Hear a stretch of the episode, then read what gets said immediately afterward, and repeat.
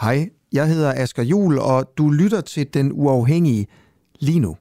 Du skal bare lige huske, at vi sender live hver morgen fra 7 til 9 på vores app. Og på appen kan du også finde nogle af vores andre programmer, der kun er for medlemmer. For eksempel podcasten Spionchefens Hemmelighed, hvor jeg prøver at finde ud af, hvorfor spionchef Lars Finsen er sigtet for at lægge statshemmeligheder. Hvad mener politiet, han har lægget? Hvorfor ordnede man egentlig ikke sådan det her i hemmelighed bag gardinerne? Hvilken rolle spillede Mette Frederiksen egentlig, og hvem er Lars Finsen? Nå, ikke mere om alt det. Du kan høre det i podcasten. Download vores app og bliv medlem, hvis du vil høre for eksempel det her program. Ja, og så slipper du i øvrigt også for den her irriterende besked i din daglige nyhedspodcast.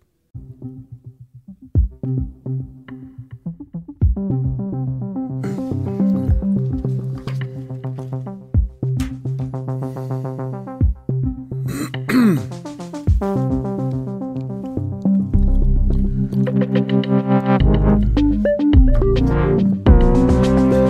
som om der er et øh, før og et efter det, der skete i Bucha i Ukraine. Jeg ved ikke, om du har hørt historierne. Jeg så det selv i TV-avisen i går. Øh, ukrainske styrker rykker ind i sådan en forstad til, øh, til, til Kiev, hvor russerne lige er, har, har forladt den. Det er måske, man kunne forestille dig, at, at man kommer ind i Hvidovre, og så, er der, så flyder, det, flyder det simpelthen med lige i, i gaderne. Og det det, der sker. Civile ligger på gaderne, når man kører ned ad en gade i, i Butcha i går, så er man simpelthen nødt til at sådan køre zigzag mellem line, som, som ligger der. Nogle af dem er, har hænderne bundet øh, bag på ryggen, og så er det jo helt nærliggende at tænke, at det er civile, der er blevet først fanget af russerne og derefter blevet skudt. Her til morgen, der forsøger jeg selvfølgelig at finde ud af, øh, hvad er der sket i Butcha. Vi ringer til en masse kilde, kilder her til morgen, både de udenrigskorrespondenter, vi har kontakt til øh, inde i, i øh, Ukraine, og som vi ved, der er i Kiev, og også eksperter, der sidder herhjemme og kigger. Og så siger jeg bare godmorgen til dig, der lytter med. Det er jo en helt forfærdelig øh, mandag morgen at, at vågne op til. Øh, 20 i en gade for eksempel, øh, skriver et nyhedsbyrå, øh, flere end 300 civile tyder på at være blevet øh, dræbt. Øh, det er et tal, der kommer fra byens borgmester, Anatoly Fedoruk. Øh, det er jo selvfølgelig, han er en part i konflikten. Man kan ikke nødvendigvis regne med, hvad han siger. Så synes jeg, medierne er mere, øh, mere troværdige. Der er ikke noget sådan overordnet tal, men for eksempel er der det her 20 i en gade, og så er der billederne, der taler for sig selv. Jeg har dem her, jeg skal nok prøve at beskrive dem lidt senere. Er vi nødt til at være hårdere over for Rusland og Putin? Ændrer det her krigen? Jeg kan godt tænke mig at spørge dig, der, der lytter med, om man skulle gøre mere for at sanktionere og straffe Rusland og Putin i den her konflikt. Det kan være, at du har gået og tænkt på noget her det, sidste, det seneste stykke tid. Skulle man sende øh, øh, ind for at myrde Putin? Skulle man lade være med at købe olie og gas af manden? Det gør vi jo i Danmark. Øh, hvis der er dejligt varmt her øh, lige nu, mens du lytter med her, så er det måske fordi, at det er russisk gas, øh, der bliver brugt til at varme dit hus op. Skriv ind til mig 1245, bare skriv DUA, D-U-A-H, mellemrum, og så din besked, eller skriv til mig på Facebook. Jeg ser det hele. Der er selvfølgelig også andre ting på programmet her til morgen, men jeg vil bare lige sige øh, velkommen til.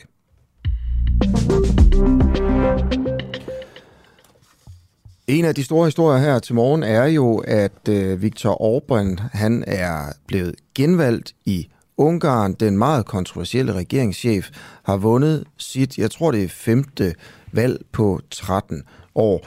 Orbán bliver jo, øh, er jo sådan lidt enfant terrible i Europa. Han bliver beskyldt for korruption, han bliver beskyldt for at have etableret et uretfærdigt retssystem for at styre medierne og for at være på kant med menneskerettighederne.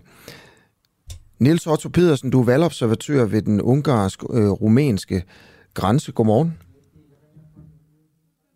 Han er ikke med lige nu. Ja, vi får ham på. Vi venter lige to sekunder. Han er ved at være der.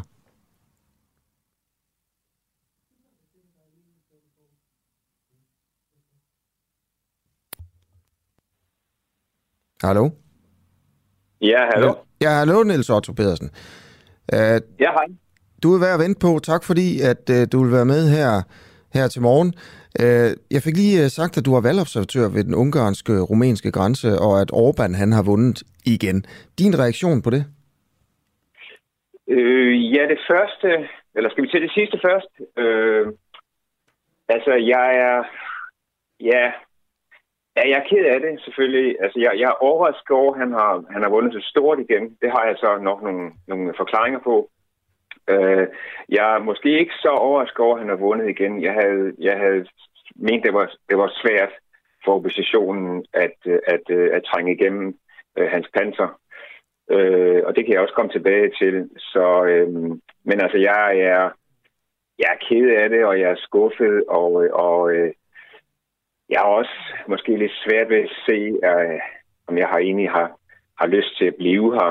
Øh, og min kone taler også om det, øh, fordi vores børn de studerer i Danmark. Øh, og øh, ja, altså, det er sådan lidt, lidt, sådan lidt, et lidt dum fornemmelse, øh, om, om man har lyst til at blive i et land, hvor man er uenig med så mange mennesker. Ikke også? Mm. Ja, du har boet der i 21 år, du er meget politisk engageret, og man kan også høre her, at du er ikke nogen Orbán-fan. Øh, og, øh, og så har du altså nej, også været valgobservatør. Øh, hvad, hvad er din forklaring på, han, du siger, at der er måske en forklaring på, at han har vundet så stort. Hvad er det? Ja, det, det, jeg tror, jeg, det tror jeg er krigen simpelthen. Altså, jeg, jeg tror, at, øh, at når der er krig øh, i, i nabolandet, og, øh, og når der er strømmet øh, 400.000 flygtninge ind over grænsen den, den, de, de sidste fem uger, øh, så søger folk nok ligesom tilbage til det sikre, selvom man måske ikke er begejstret for det sikre, og måske også synes, det er, det er halvdårligt. Øh, så, så skifter man ikke øh, hest midt i, i vadestedet, vel? Mm.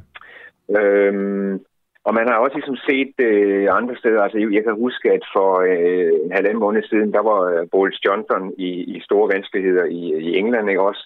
Nu er det jo fuldstændig glemt, og nu står hele Europa sammen. Øhm, Zelensky, han har jo også sine problemer med øh, Panama Papers, og hvad ved jeg, øh, indtil for kort tid siden. Og nu er det jo fuldstændig, altså nu er han jo verdens største held, ikke? Så ligesom når, når der bliver krig, altså, så søger folk tilbage til det sikre, ikke også? Mm. Og, og man, man ved, hvad Orbán er. Øh, man, ved, man, ved, man vidste ikke, hvad Markisai Peter han, mm. han stod for. Har der, været svindel? Har der været svindel med valget dernede? Øh, altså, jeg var valgobservatør i går ude i... Øh, vi var i, øh, i fem landsbyer, hvor vi kørte rundt til valgstederne hele tiden, fordi vi, øh, der har været, øh, der var frygt for, at der ville komme nogle minibusser, folk ville blive øh, fragtet til. Og, og over en vis grænse af minibus, øh, eller en vis antal mennesker i bussen, så er det ulovligt. Altså, vi så ikke noget. Men øh, vi fik at vide bagefter, at der havde været noget, der havde været en fest i en af de byer, vi havde været, hvor de så havde fragtet folk frem og tilbage. Og de var så inviteret til den fest, og de skulle så vise deres, øh, hvad de havde stemt, og så kunne de så få gratis mad og drikke. Mm. Øh, det er også sket i en anden by, hvor, jeg, hvor vi kom tilbage efter, og der, der blev det så fanget på, på video af nogle af mine observatørkolleger. Øh, Hvordan kan man vise, hvad man har stemt? Øh, jamen, det kan man jo gøre ved at, at tage et billede af, hvad man har stemt. Mm. Det er okay. jo, det er jo ret øh, OSCE har i øh, forbindelse med det her... Jeg vil bare lige nævne det her med OSCE. De har i forbindelse med valget etableret en special mission, og det er kun gjort i EU en gang før. Øh, og i en forløbig rapport, den er altså ikke helt færdig, men den er sådan forløbig, øh, som blev offentliggjort i sidste uge, der udtrykte OSCE-missionen bekymring over flere aspekter ved det her valg, herunder partiskhed i de offentlige medier, og så også noget med potentielt misbrug af brevstemmer. Øh, det med medierne.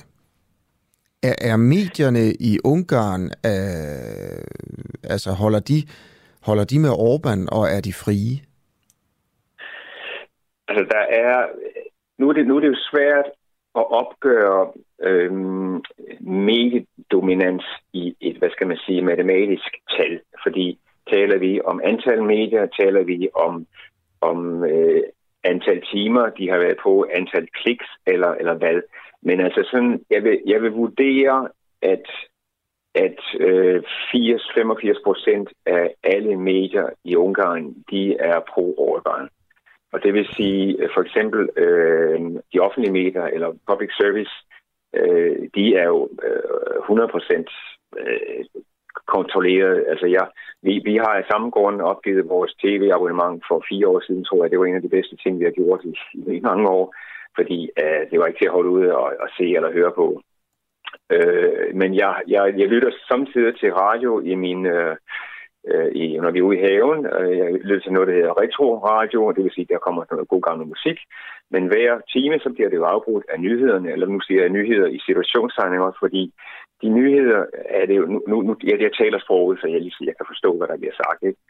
Øh, altså, man hører aldrig en kritisk røst eller kritisk regning på noget af det, som foregår i landet. Altså, regeringen bliver hele tiden nævnt i et positivt lys, og når oppositionen bliver nævnt, det gør de ikke ret meget, men når de endelig bliver nævnt, eller deres kandidater, så er det altid, øh, at der bliver kastet mudder, og det, og det er negativt, og, og, øh, og det er nogle fjolser. Mm.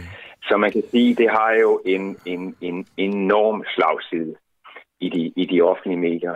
Okay. Øhm, og det kan, jo, det kan jo selvfølgelig være en del af grunden til, at, øh, at, at han har vundet for, for femte gang på 13 år. Ungarns øh, øh, leder kommer altså stadig til at hedde Viktor Orbán i årene fremover. Tusind tak, fordi du vil være med, Niels Otto Pedersen, valgobservatør ved den øh, ungarsk-rumænske grænse. Klokken er 10 minutter over, øh, over syv. Jeg vil lige prøve at nævne noget her, øh, som også handler om, om de forfærdelige ting, der foregår i Ukraine. Det er jo noget, vi har valgt. Vi valgte sent i aftes at sadle om, sådan at vi har fokus på det, der er sket i Butsja, og russernes sådan brud på krigens lov og menneskerettighederne og sådan noget i Ukraine. Øh, menneskerettighedsorganisationen Human Rights Watch har søndag i går altså også udsendt en rapport. Det kommer tilfældigt samtidig med, at vi ser de forfærdelige, billeder fra Butsja.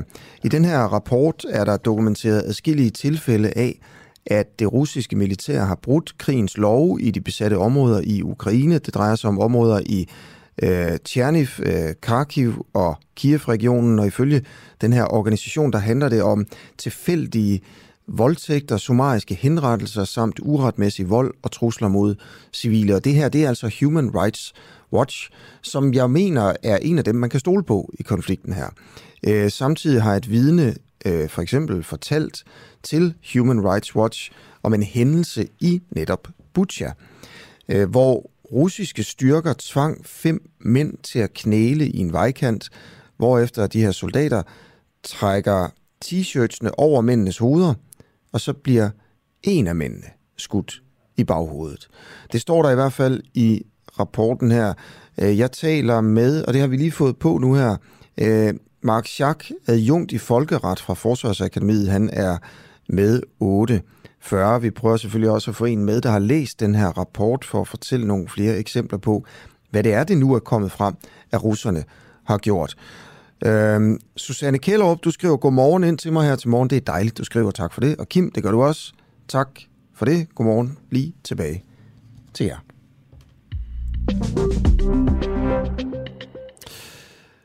Godt. Øh, lige om lidt, øh, der øh, får jeg nyt fra Mink-kommissionen, og jeg ved ikke, om du stadigvæk kan huske det. Det er jo så noget, man nærmest har glemt den, men den kører stadigvæk. Og der er altså, der var en genafhøring af Barbara Bertelsen, altså den meget magtfulde departementchef i statsministeriet, øh, i statsministeriet Mette Frederiksens højre hånd, som jo har været meget kontroversiel, fordi hun har, sådan, øh, har ageret politisk i nogle sager, øh, og ikke bare været sådan en neutral embedsmand.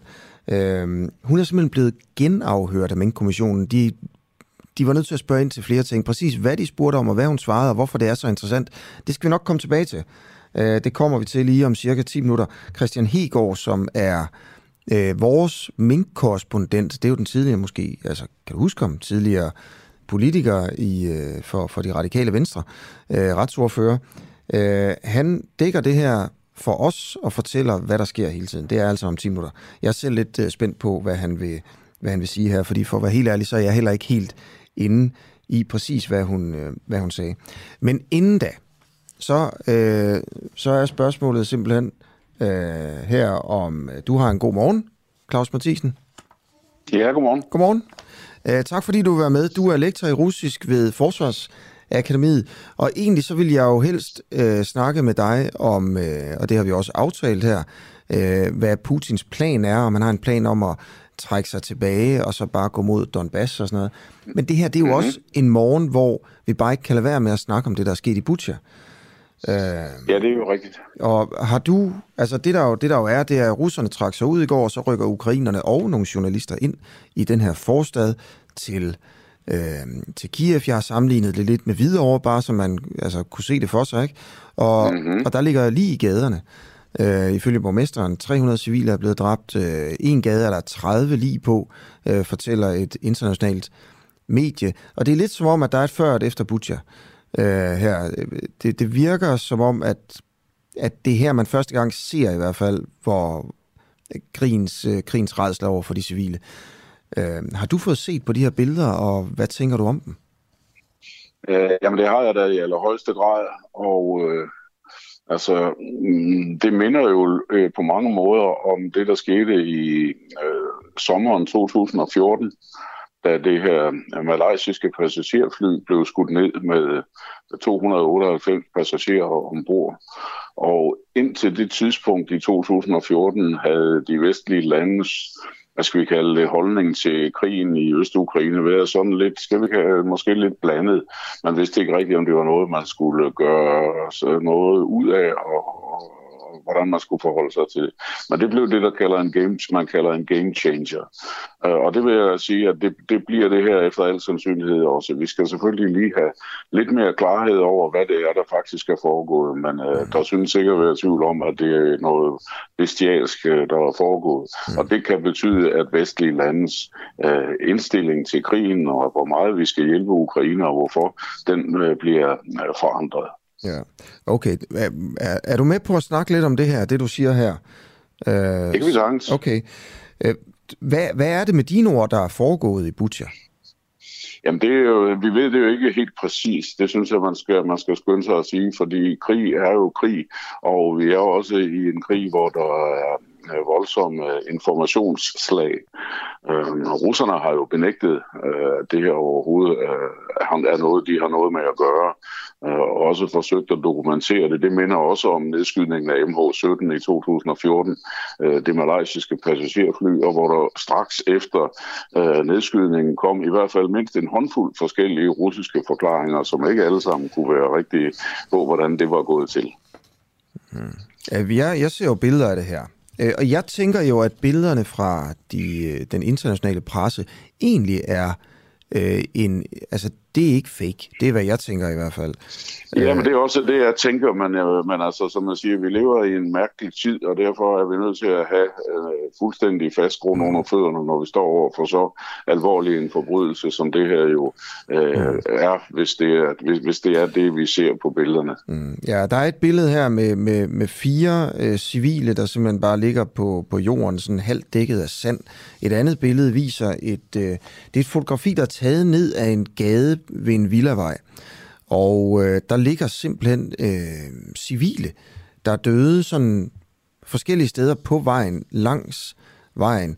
Et andet, øh, og jeg tror, det er måske den samme vej eller en anden vej, der ligger, der ligger nogle civile, og der en af dem kan man se, at hans hænder er, er bundet øh, på ryggen, og så er de ellers øh, skudt og, og ligger og er, er døde. Der er jo så mange, der er døde også, at man ikke har fået dem fjernet. Det er jo også det, man tænker lidt. Øh. Men øh, Øh, Øh, så siger du, det er en game changer. At det kan blive en game changer. Ja. På, øh, vil du prøve at uddybe det? Altså på hvilken måde? Jamen, øh, altså Ukraine har jo længe anmodet om øh, forskellige former for støtte, øh, som de ikke har fået. De har også fået støtte, det er ikke det, i form af for eksempel panserværnsvåben og luftværnsvåben og, og formentlig også andre ting. Ammunition, også noget, vi måske slet ikke har hørt noget om. Men øh, for eksempel den her no-fly zone, som man appellerede så kraftigt til, eller de her kampfly, som der var så meget tale om de første par uger, man gerne ville have.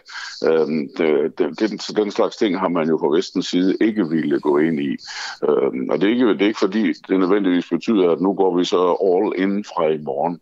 Men det betyder bare, at, øh, at, at der vil være nogle ting, som vi hidtil har sagt, det kan vi ikke. Det kommer vi nok til at overveje, om vi ikke godt kan alligevel. Mm. Hvad kunne det være? Ja, men der har jo blandt andet været tale om, øh, at man skulle støtte med mere materiel, mere slagkraftigt materiel der har været noget snak i nogle artikler om kampvogne, som skulle leveres, øh, altså øh, ældre sovjetiske modeller, som er i nogle af nabolandenes beholdninger stadigvæk. Jeg er selv lidt forbeholden over for det, og jeg synes ikke, at Ukraine mangler kampvogne, men det er, det er en større diskussion, men altså sådan, så man på en eller anden måde måske vil opgradere de vestlige bidrag til den ukrainske krigsførelse. Om man ligefrem på et eller andet tidspunkt vil gå så vidt, så man mere aktivt går ind, jamen det må tiden vise, men det er jo så noget som det her, der kan betyde, at, øh, at man må ændre visse holdninger til, mm. hvordan, man, øh, hvordan man vil engagere sig i krigen i Ukraine. Okay. Øh, du sagde lige før, og jeg skal det lige ned her, Ukrainerne har måske også fået noget materiel, som vi ikke ved noget om. Mm. Er, det yeah. noget, er det noget, du ved noget om? Altså... Nej, det er det ikke. Det er, jo, det, er jo, det er bare ud fra, hvad jeg har set fra de møder, der har været, hvor nogle af dem, der har deltaget i dem, øh, har antydet, at, øh, øh, at man måske også hjælper med ting, vi ikke hører om. Øhm, vi hvad, har for eksempel... Hvad, hvad, hvad kunne det være? Ja, altså, ja, det, jeg, står der noget, der tyder på, at man fra, fra, fra vestens side, måske primært fra USA, øh, måske deler efterretningsoplysninger. Der foregår jo et utal af efterretningsflyvninger og anden indhentning om, hvad der sker i krigen. Mm. Øh, og der har de måske nogle indhentningsmidler og nogle metoder, som giver et lidt større overblik, end ukrainerne selv kan få, og som man så kan delagtiggøre ukrainerne med. Den, mm. den, den slags ting. Og som jo ikke er noget, man skilter med, at man gør. Er der noget, der tyder på, at den danske regering, eller det danske forsvar, eller de danske efterretningstjenester hjælper med øh, Ukraine med noget, som, altså, men, men hvor de ikke har sagt øh, åbent og offentligt, at de gør det? Ikke noget, jeg har kendskab til i hvert fald. Er der noget, der tyder på det? Det er altså ikke andet end de her udtalelser, som har været øh, om, at øh, vi måske ikke hører af alt, hvad der øh, bliver talt om på møder, der handler om hjælp til Ukraine. Men det, er ikke, det tror jeg som ikke specifikt handler om Danmark. Det, mm. det handler sikkert om andre ting. Danmark er nok ikke det land, der har mest at byde på, hvis det skal være. Nej. Okay.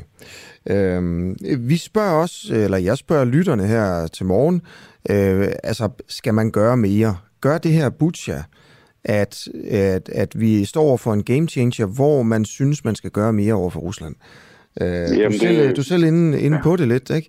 Altså, så er der også sådan helt andre ting, som, øh, altså hvis man tænker helt ud af boksen, du nævner selv, altså man kunne gå mere i på en eller anden måde konflikt med, med Rusland. Du nævnte en, en no-fly zone, altså øh, hvor man så skulle være klar til at skyde de russiske fly ned, jo, hvis, hvis de bryder den. Øh, kan du se det for dig?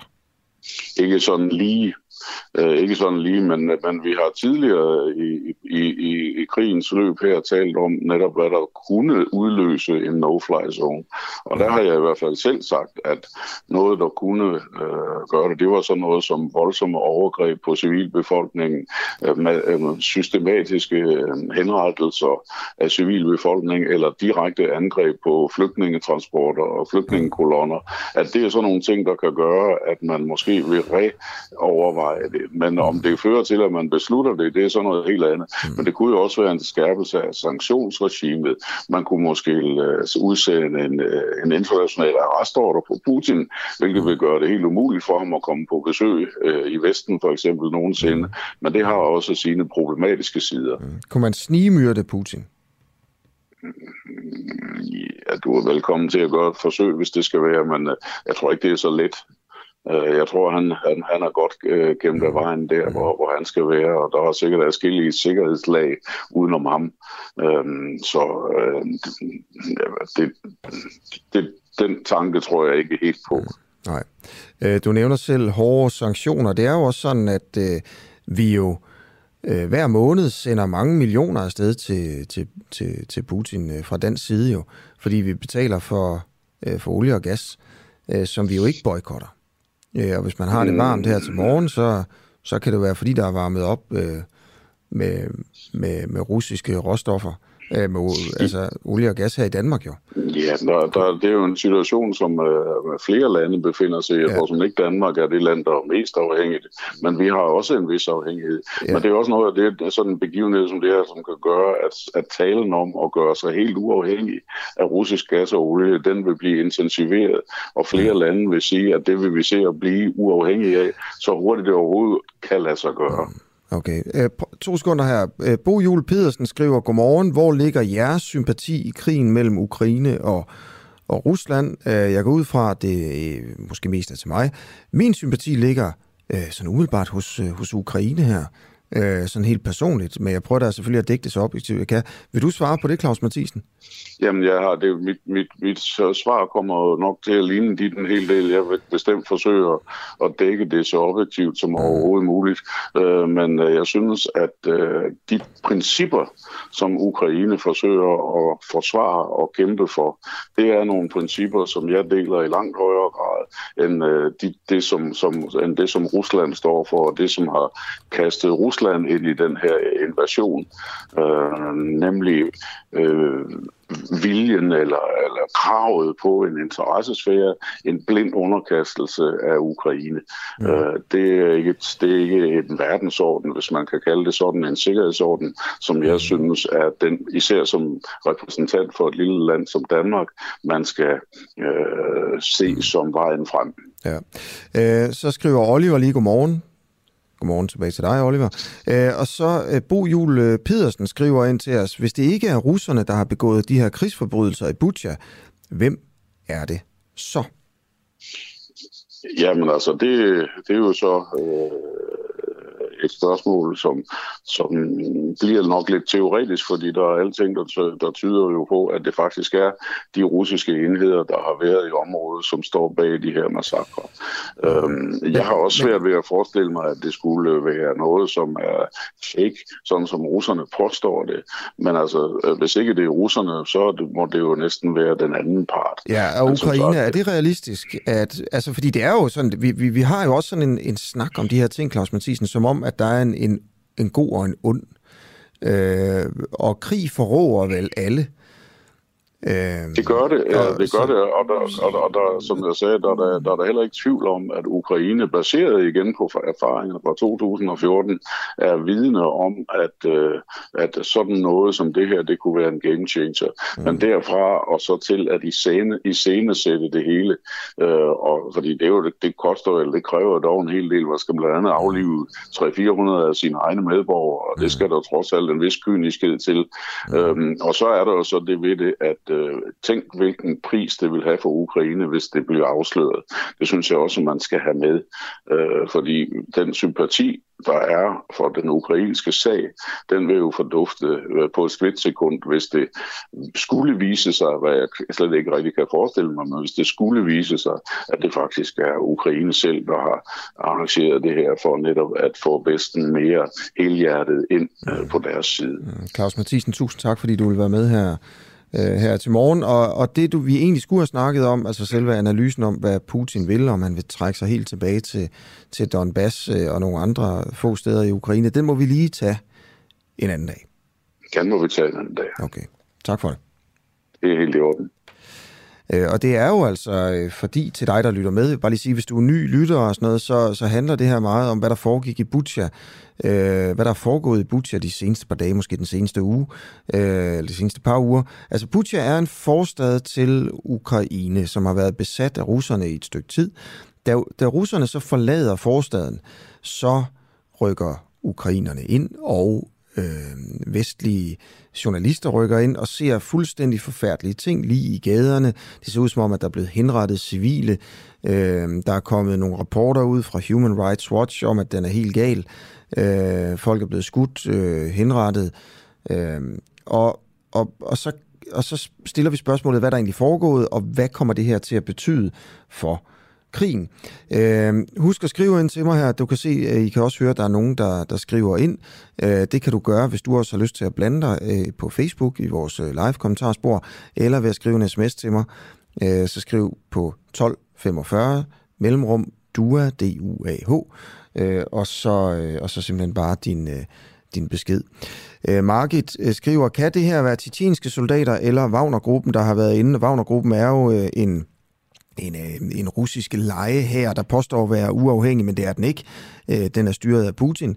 Og så er der de tjetjenske soldater, som er kendt for at være sådan måske, hvad kan man sige, lidt mere aggressive end, øh, end, end de konventionelle russiske soldater. Kunne det være dem, der har været inde i Butcher og gjort det her? Det ved jeg ikke noget om, Market, men øh, det er jo faktisk et meget godt spørgsmål, øh, og øh, det ærger mig lige nu, at jeg ikke øh, spurgte øh, Claus Mathisen om det. Men der kommer flere eksperter på. Vi har nogen legnet op øh, allerede nu til næste time. Clara, der er journalist her til morgen, sidder og ringer rundt til, øh, til folk. Øh, jeg har en lille idé om, at jeg håber, at Rasmus Tandholt, øh, som vi tit har med, han, øh, jeg ved, han er i Kiev, eller har været det indtil for ganske nylig i hvert fald, øh, Monique, han er på vej ud øh, til den her forstad lige nu. Øh, men det kan jeg overhovedet ikke love, eller noget som helst. Godt. Klokken, den er halv otte. Det her, det var bare, så du ved, hvad vi sidder og arbejder på her til morgen, og jeg får at vide, at Tandholt ikke længere er i Ukraine, så bliver det ikke ham, vi prøver at få nogle andre på. Øhm, men nu skal vi til Mink-sagen. Christian Hegård øh, er, øh, har sagt ja til at være vores retsreporter og følge Mink-sagen. Du kender måske Christian Hegård fra Folketinget, hvor han var retsordfører for de radikale. Men nu er han altså øh, vores reporter og følger Mink-sagen. Og der har lige været det, at statsministerens magtfulde departementchef, Barbara Bertelsen, øh, som jo er meget øh, kendt og, og også meget, meget kontroversiel, fordi hun nogle gange agerer politisk. Hun er ikke sådan en grå, øh, kedelig embedsmand. Hun, hun er faktisk ret, øh, ret meget på, hvis man kan sige det på den måde. Øh, hun er blevet genafhørt, og fordi hun har spillet en stor rolle, hun er blevet genafhørt af Mink-kommissionen, der altså øh, undersøger forløbet omkring den politiske, politiske beslutning om at aflive alle mink. Øh, og det her, den her genafhøring, den skete i fredags. Og Christian Hegård, øh, vil du prøve at fortælle, hvorfor hun skulle genafhøres? Godmorgen. Godmorgen. Ja, det kan jeg godt. Altså, kommissionen de øh, starter afhøringen i fredags med at sige, nu har der været en række afhøringer, og på baggrund også af hendes egen, så fandt de altså lejlighed til at stille en øh, række flere spørgsmål. Og det, der var tydeligt, som øh, havde kommissionens opmærksomhed, det var dels det her afgørende koordinationsudvalgsmøde. Hvad skete der præcis der? Blandt andet med afsæt i de her noter, vi har hørt om fra Magnus Heunicke, men også for at spørge om, jamen, hvordan foregår det mellem ansvaret mellem forskellige øh, ministerier. Og øh, der må man bare sige, at Barbara Bertelsen var igen velforberedt. Hun rettede udspørgeren allerede efter to minutter. Hvordan gjorde hun det? Jamen, hun blev da, da, da den her spørgerække ligesom startede med, med spørgsmål, jamen øh, så sagde hun, nu skal du lige huske, hvad konteksten for det her møde var, og så rettede hun egentlig udspørgeren i forhold til, øh, hvad, hvad han spurgte om, at han ikke lige havde forstået, hvad, hvad det gik øh, ud på. Så hun var fyr og flamme fra start af. Mm. Det, som øh, kan man sige, afhøringen kom til særligt at, øh, at handle om, det var, at Barbara Bertelsen gjorde det meget tydeligt, at når det var, det var en lovgivning under Fødevareministeriet, så var det altså der, at ansvaret skulle placeres. Hun gjorde også meget ud af at sige, hun kunne slet ikke forstå, at det kom som en overraskelse for mange embedsmænd, at det at aflive alle mink kunne være en mulighed, for det var sådan set en mulighed, der stod i papirerne helt tilbage fra september måned. Så hvis der var nogen, der var overrasket over det, så var det bare, fordi de ikke havde forberedt sagen godt nok. Mm, okay. Og, og det her, det handler jo, øh, og der må du lige rette mig, hvis jeg tager fejl her, øh, om, altså hvem tog beslutningen om, at øh, alle mink skulle, skulle aflives. Noget, der jo var ulovligt på det tidspunkt, man gjorde det. Ja, øh, det som øh, hun blandt andet gør meget øh, ud af at sige, jamen, det er, øh, det er altså Fødevareministeriets ansvar, når det er, at det er en lovgivning på deres øh, område. Det, som der også særligt blev diskuteret, det var, at Barbara Bertelsen sagde fuldstændig klart, ja, det var hende, der tog en sætning ud af sagen, hvor der stod, at det ville være fatalt for branchen, at øh, kan man sige, aflive alle mink.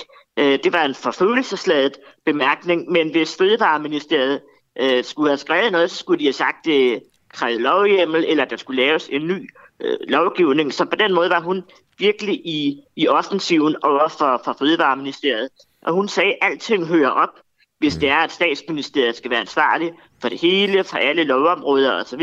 Fordi vi i Danmark har det, der hedder et øh, sektoransvarlighedsprincip, hvor ministerområderne er opdelt som hver sin søjle med hver sit tydelige afgrænset ressortområde, og dermed også hver deres ansvar i mm. sager. Mm.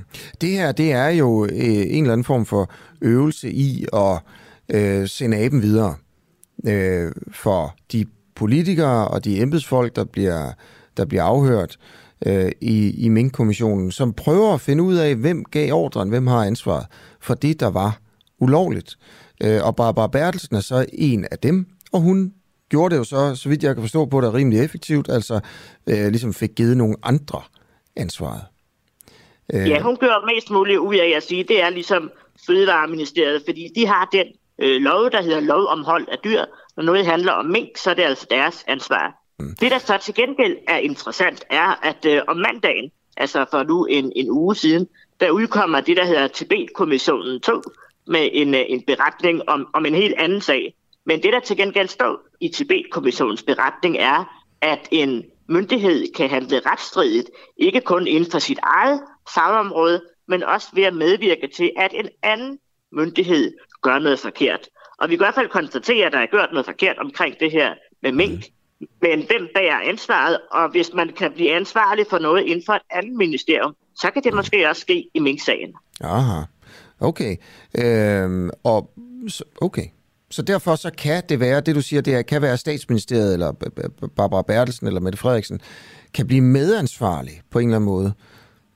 Ja, det er i hvert fald et, øh, et, et princip, som er blevet nævnt i, i Tibet-kommissionen. Mm. Og øhm, så kan man så hæve det, at på den ene side, så øh, det, der skete i Tibet-sagen, var en længerevarende praksis fra Udenrigsministeriet, så på den måde, så adskiller det sig. Men Udenrigsministeriet har jo ikke direkte instruktionsbeføjelse over øh, for politiet, det er jo inden for Justitsministeriets område, men alligevel øh, blev Udenrigsministeriet altså genstand for massiv kritik. Og spørgsmålet er, om det samme kan gøre sig gældende, når man sidder flere ministerier, flere ministre og træffer en beslutning på et koordinationsudvalgsmøde, der fører til, at den så øh, ulovligt bliver gennemtrumpet bagefter. Der er jo ikke noget galt med at træffe en beslutning, man ikke har lovhjemmel til, så længe man bare ikke fører den ud i livet, inden man har gjort den lovlig. Prøv, for alle os, der sådan ikke følger lige så meget med som dig, Hegård, i Mink-kommissionen, også sådan, øh, synes det, jeg synes i hvert fald, lad mig sige, tale for mig selv, jeg synes, det kan være svært med alle de her detaljer omkring det. Øh, det kan jeg godt forstå. Øh, hvor er, altså sådan det helt store billede, hvor er vi henne i Mink-kommissionen? Hvornår er det færdigt, og hvem tyder det på, der ligesom øh, er den skyldige? Vi er færdige til juni måned.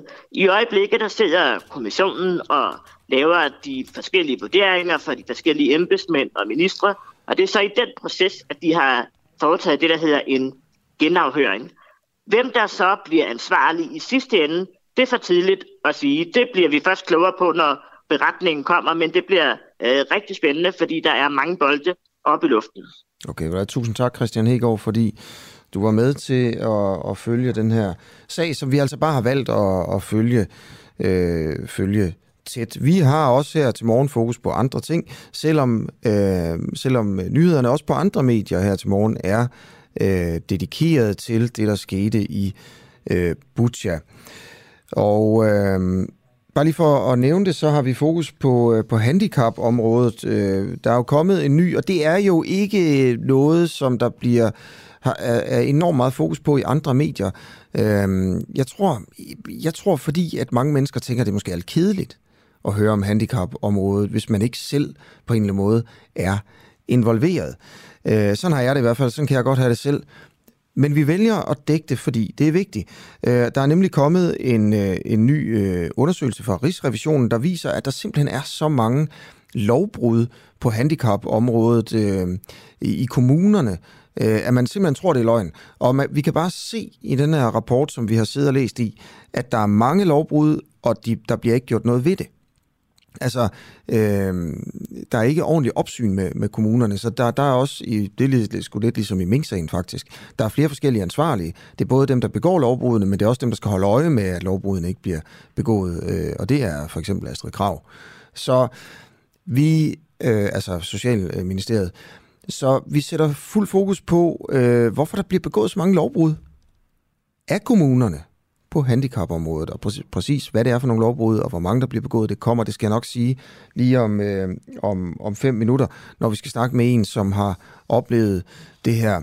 Øh, men, men inden da, øh, så kommer vi lige til at snakke med dig, Hugo. Godmorgen. Ja, godmorgen til dig. Godmorgen.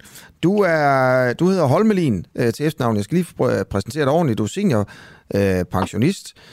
Ja. Øhm, og så har du et pillefyr. Ja, det er også korrekt. Ja, og du bor ved Store Vildmose.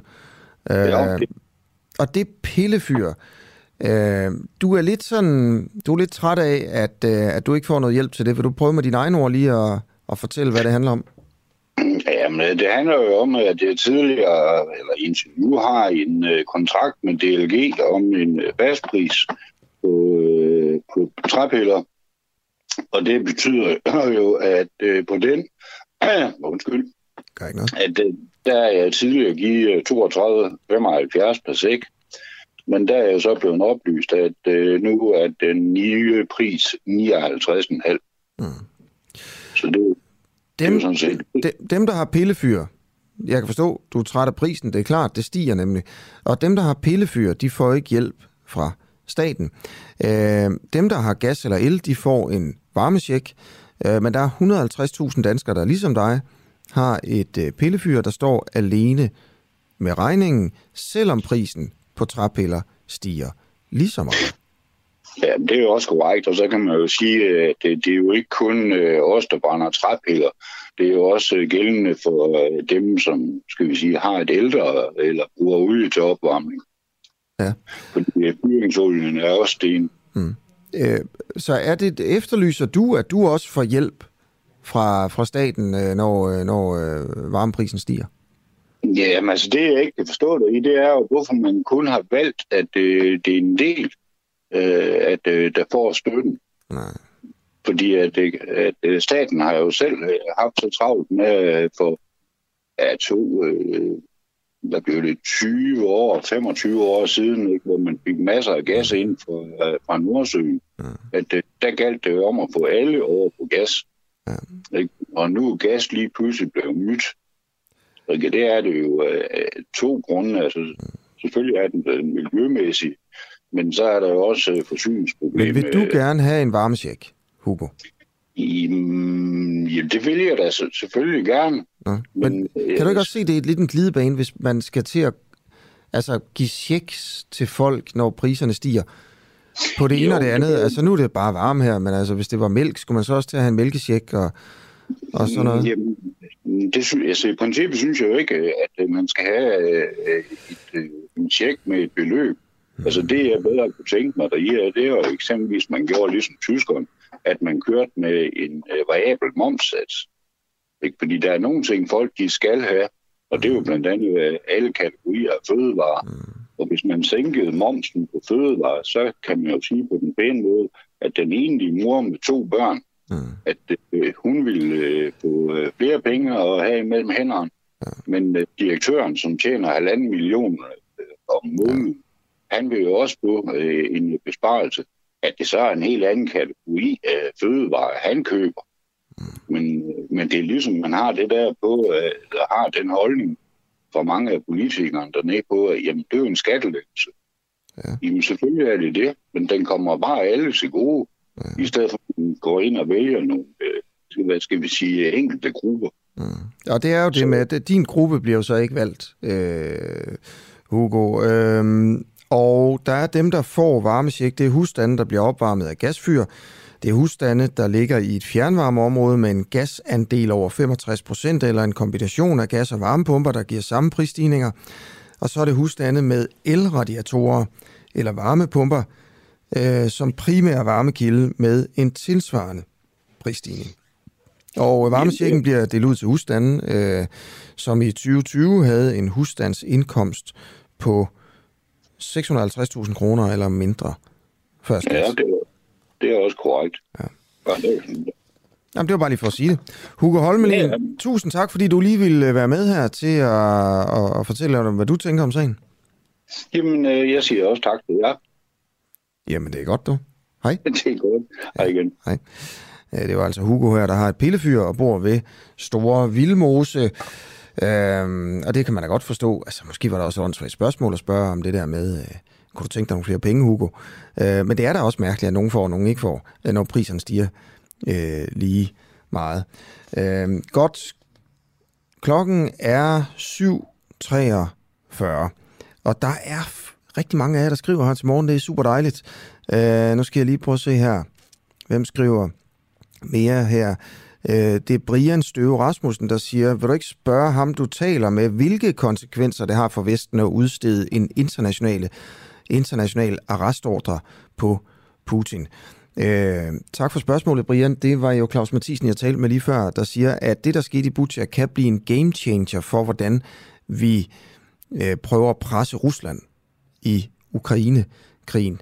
Og øh, han nævner så øh, muligheden for at lave en international arrestordre på Putin. Øh, så hvorfor egentlig ikke gøre det? Det er et godt spørgsmål, og jeg har en kilde, der kan svare på det, og han kommer på øh, lidt senere her til morgen. Øh, så jeg noterer lige spørgsmålet ned. Grete Lund øh, siger, at man kan sænke de her afgifter, men det kan regeringen ikke finde ud af, selvom det er meget nemmere, men regeringen vil hellere gøre det besværligt med en masse byråkrati. Okay, det er så en kommentar til, øh, til hvordan man skal hjælpe Hugo med hans øh, træpillefyr, og måske nogle af, af de andre også. Rigsrevisionen har netop lavet en ny undersøgelse af handicapområdet, og vi har haft fokus på det i sidste uge, og vi kommer til at fortsætte også øh, en lille smule her til morgen, fordi det er en vigtig historie. Øh, der bliver rettet massiv kritik mod myndighederne. Kommunerne overholder øh, simpelthen ikke loven. Øh, og alligevel er der nogle kommuner, der ligesom siger, hey, vi gør det super godt. Øh, for eksempel Solrød Kommune har for nylig udsendt en pressemeddelelse, hvor øh, man simpelthen praler med, at borgerne er meget tilfredse med sagsbehandlingen. Mads Silberg, du er byrådsmedlem i Solrød Kommune for de konservative. Øh, kan du også nikke genkendende til den her tilfredshed, som kommunen jo skriver om i pressemeddelelsen? Godmorgen. Øh, godmorgen. Øh, nej, nej, det, det kan jeg ikke. Jeg kan faktisk øh, ryste meget kraftigt på hovedet, og det, det, det, det holder simpelthen ikke vand. Og ja. det, øh, det er også en utilfredshed, som man siger. Jeg har givet udtryk for overfor administrationen i forhold til, hvordan de har vinklet den, mm. okay. den pressemeddelelse der. Lad os, lad os lige prøve at, øh, at tage noget, noget fakta her fra statsrevisorerne. Statsrevisorerne ja. finder, at, det skriver man i rapporten, der lige er kommet, at Social- og Ældreministeriet har indført et utilfredsstillende tilsyn med kommunernes forvaltning af servicelovens bestemmelser på handicapområdet. Og statsrevisorerne finder det utilfredsstillende, at kommunernes forvaltning af tilbud og ydelser på handicapområdet i mange tilfælde ikke overholder serviceloven. Det er simpelthen bare en anden måde at sige på, kommunerne overholder meget ofte ikke loven, i det her, og det er ikke noget, som øh, regeringen følger op på, selvom de egentlig burde. Og så står der videre, at statsrevisorerne finder det bekymrende, at Ankestyrelsen har omgjort kommunernes afgørelse i mere end en tredjedel af de sager, der er påklaget til Ankestyrelsen i perioden 13-21. Fordi kommunerne ikke har overholdt de gældende regler og love på området. Øhm, og statsrevisorerne finder det særligt bekymrende, fordi det øger risikoen for, at udsatte borgere med psykiske eller fysiske handicap ikke modtager de ydelser, de er berettiget til. Sagt med andre ord, når, altså det er jo klart, dem der klager er jo nok dem, der ligesom øh, tænker, at den er gal, ikke? men i en tredjedel af alle klager, øh, der, der får de simpelthen medhold. Det vil sige, at ja, ja. Der, der har de jo ret. Der er kommunerne simpelthen ja. øh, øh, brudt loven. Øh, hvordan ser det ud med lovbrud i Solrød Kommune, hvor du jo er byrådsmedlem? øh, Øh, på handicapområdet?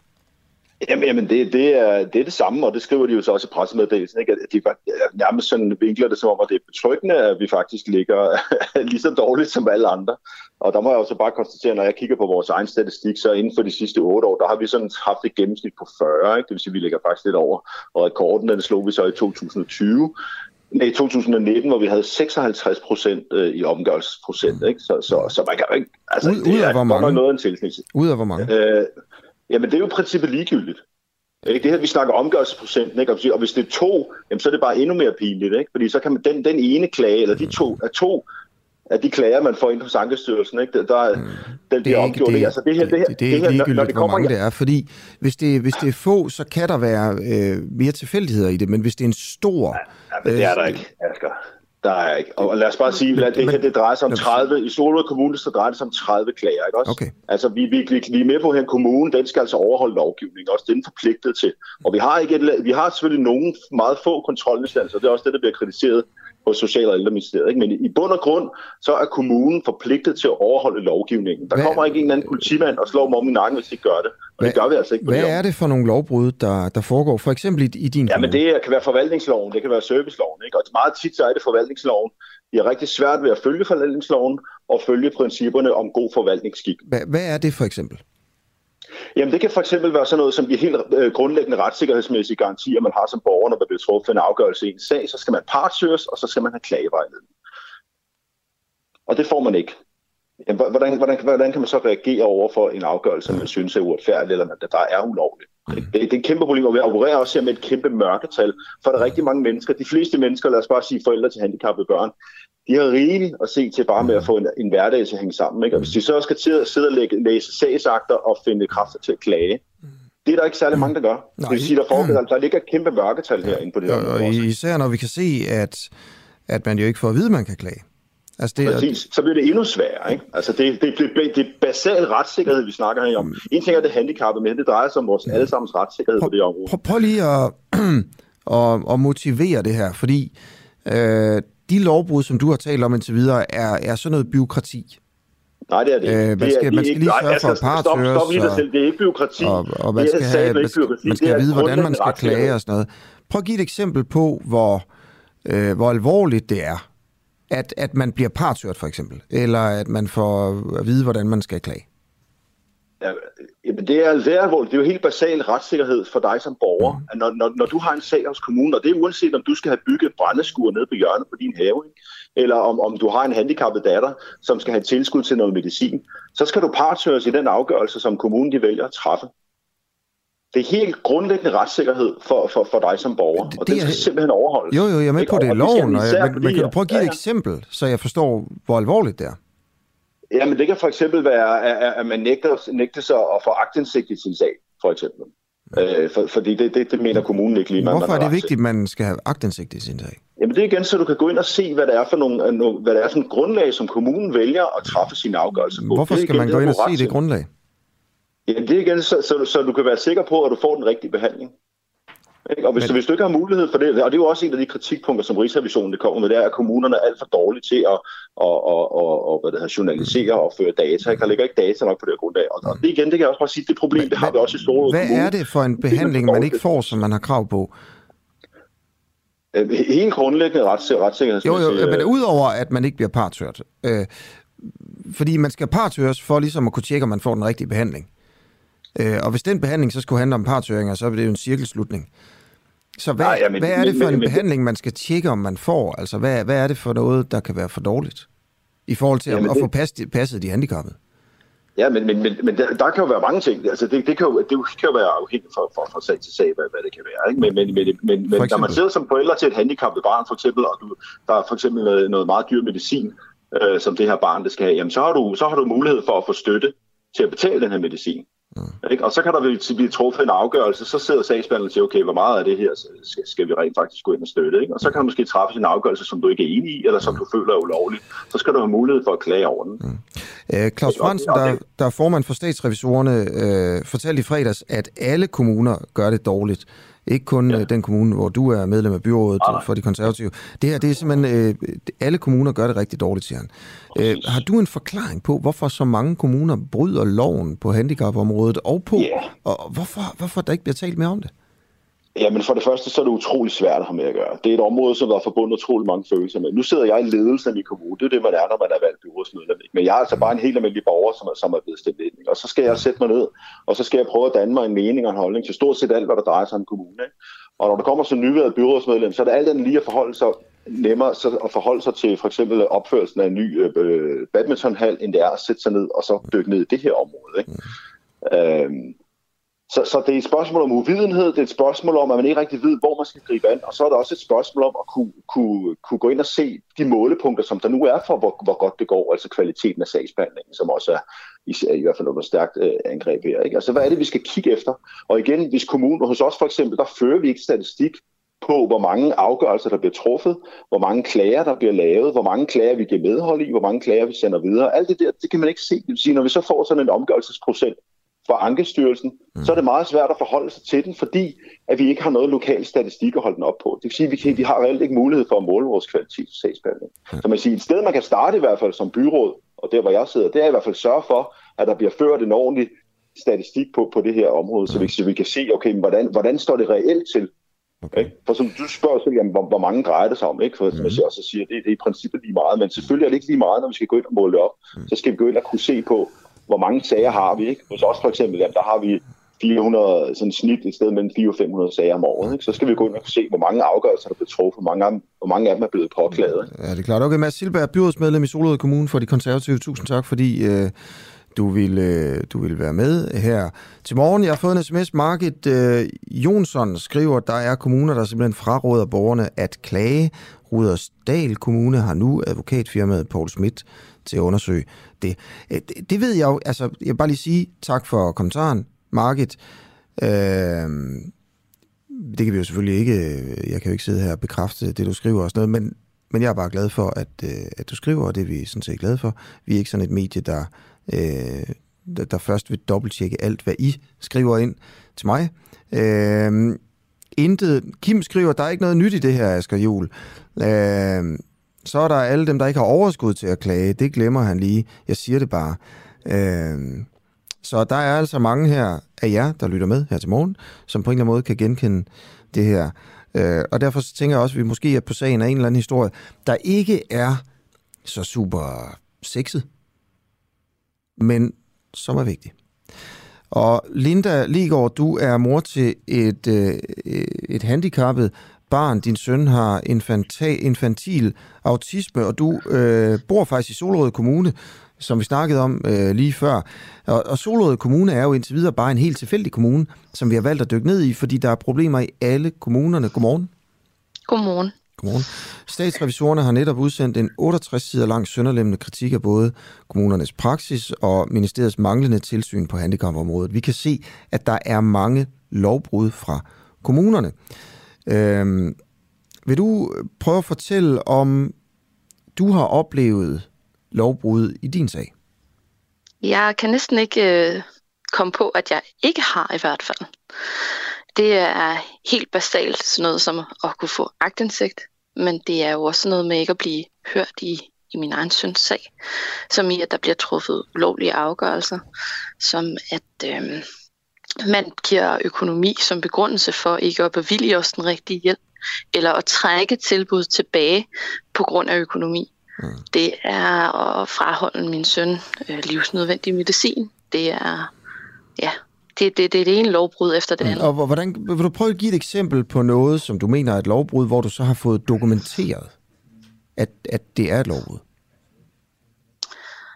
Øh, jamen, hvad tænker du, når jeg får dokumenteret, altså, at det er, at Ankestyrelsen skal kigge Ja, lige præcis ved at være klage til Ankestyrelsen, øh, og så siger de, jamen, det er ikke nok, det var ulovligt, det der.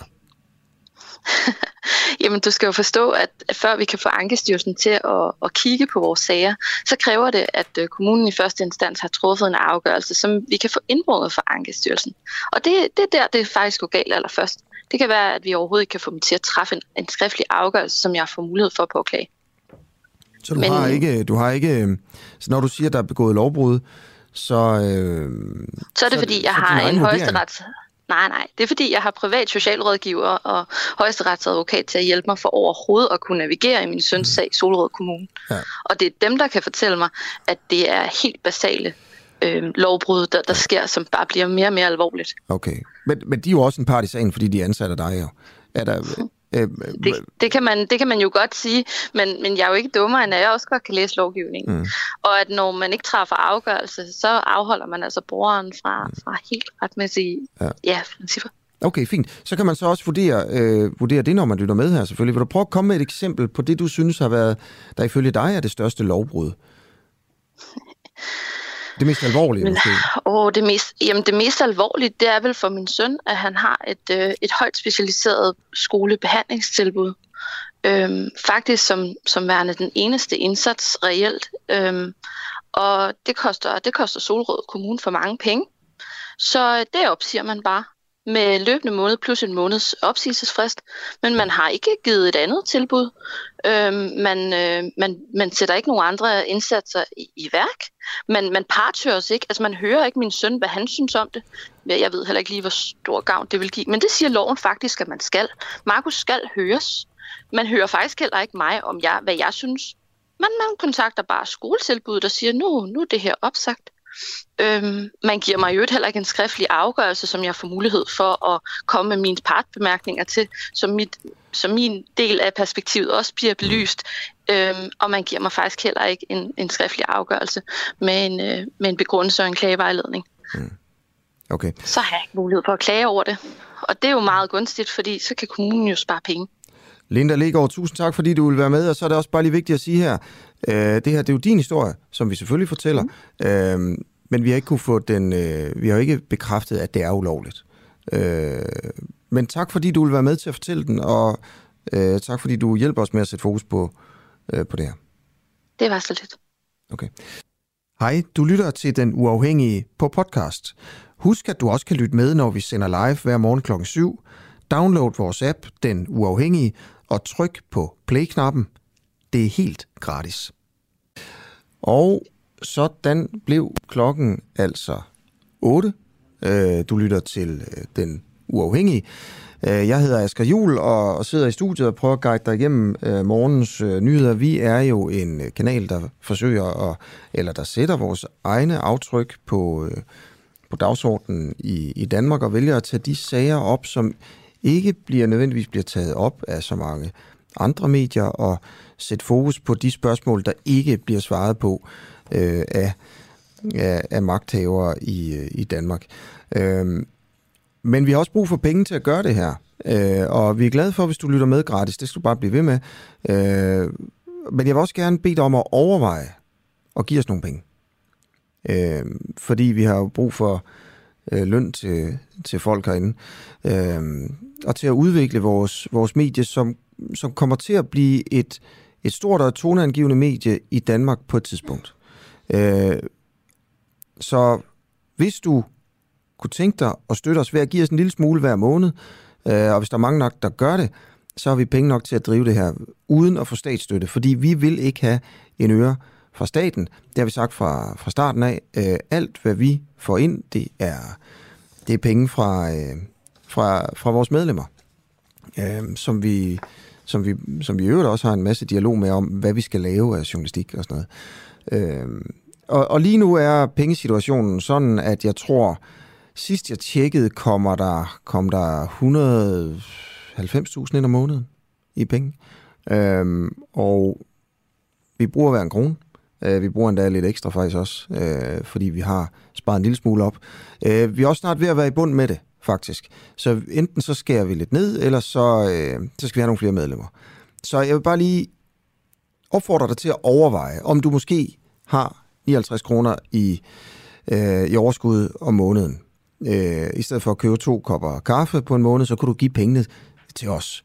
Øh, du skal bare gå ind på vores hjemmeside og, og skrive det op. Du kan bare altid afmelde dig igen, hvis du har lyst til det. Der er ikke nogen binding. Øh, du kan også tage din telefon frem lige nu, og så sende en sms til, øh, til 1245, og så skriv UA. Og det er sådan en kode, hvis du skriver det, så får du link tilbage, og så trykker du på det, og så kan du blive medlem i løbet af to sekunder. Så du kan faktisk gøre det lige nu. Øh, du skal bare skrive UA, øh, U for Ulla og A for Anders, og så sende sms'en til 1245. Så er du faktisk med til at, øh, at lave et nyt, fuldstændig uafhængigt øh, radiomedie i Danmark. Godt to minutter over, øh, over 8. Jeg skal lige sige, at... Øh, at øh, Solrød Kommunes øh, kommunaldirektør ikke vil være med øh, til, til vores, øh, i vores indslag, som vi har haft lige, lige før her. Og det er jo selvfølgelig, øh, det er selvfølgelig også fint, fik jeg sagt, når 20 minutter over 8, den er selvfølgelig 2 minutter over 8, så bare tag det roligt, du er ikke ved at komme for sent alligevel. Oppositionen i Folketinget er afgørende for demokratiet. Det glemmer mange, men vi husker det på den uafhængige. Derfor giver vi en fremtrædende oppositionspolitiker en mikrofon og et studie hver uge. Lige nu er verden blå, men hvis magten skifter, bliver verden rød. Lyt til oppositionen på den uafhængige app, som kan downloades gratis. Tibet-sagen øh, handler om den danske ordensmagts håndtering af demonstrationer øh, imod Kinas politik i Tibet under kinesiske statsbesøg, for eksempel i 2012 og også et par stykker i årene efter det. Demonstranter med Tibet-flag har jo lov til at stå der og demonstrere, demonstrere også når der kommer øh, en minister fra Kina på besøg, men den ret, som man har selvfølgelig til at ytre sig, øh, den blev knægtet under øh, demonstrationerne, eller under de her statsbesøg af det danske politi. Og øh, det er jo angiveligt noget, der skete, fordi at man ikke ville have, at kineserne tabte ansigt og blev sure over at skulle se på sådan nogle flag. Og, og det er blevet, øh, det er blevet afsløret, og, øh, og det er selvfølgelig en kæmpe stor skandale, fordi man skal jo kunne stole på, på politiet her i, i landet. Hvis man ikke øh, kan stole på, at politiet overholder loven, hvorfor skulle man så selv gøre det? Henrik øh, Aurier, godmorgen, og tak fordi øh, du vil være med. Du er tidligere indsatsleder i Københavns politi, øh, og det var dig, der i politiradioen sagde, tag flaget fra dem. Godmorgen. Godmorgen. Ja, ja. det var det jo. Det var ja. det. Ja. Øhm, og så er det jo så er du jo en af dem der har ligesom har fået øh, en af dem der har fået skylden for det her. Øhm, men nu er Tibet-sagen jo blevet undersøgt igen. Der er kommet nye oplysninger frem, og spørgsmålet er om øh, i stedet for at give skylden til betjente som dig, at man hellere skulle prøve at kigge på øh, Udenrigsministeriet, efterretningstjenesterne og sådan nogle ting. Og en samling magnetbånd med backup-materiale af ministeriets mailkorrespondancer fik jo genåbnet den her Tibet-sag, øh, og i sidste uge blev ansvaret så placeret på netop Udenrigsministeriet og øh, politiets efterretningstjeneste. Øh, hvad er din forklaring på, at der kommer nye oplysninger frem, for eksempel de her magnetbånd? Øh, jamen, forklaringen på det, det er jo et godt spørgsmål, men øh, det er jo, at båndene er blevet fundet. Altså, det er jo der ligesom øh, et vigtigt omdrejningspunkt. Mm. Øh, men i øvrigt, så altså, det handler jo ikke om så meget kun om besøg i 2012 og bagefter, det var også før, øh, lang tid før, øh, tilbage til 1995, at, øh, at der var undersøgelser der. Ikke? Mm. Øh, vil du prøve at, at fortælle øh, mig og lytterne om sådan din rolle i den her sag? Jamen det er, det er jo som du startede med at sige, jeg var, jeg var indsatsleder, jeg var på arbejde den dag som politimand. Ja. Og, og hvad skete der den dag? Jamen der skete jo det, er blevet belyst af, af, skal man sige, to store undersøgelser i hvert fald, en kinesisk præsident kom, og, øh, og øh, der var nogle hensyn tagen, kan man se, underliggende. Øh, Udenrigsministeriet og, og politiet og alle mulige andre har haft en masse foregående møder om, hvordan det skulle håndteres. Mm. Og vil du fortælle lytterne her, hvordan det så blev håndteret? Jamen det kan man jo læse. Det tror jeg, det er blevet belyst ret godt i, i medierne. Øh, I de processer, der har været, mm. og al den debat, der har været bagefter. Hvis man alligevel ikke lige har fået, fået læst det hele og sådan noget, øh, med dine ord?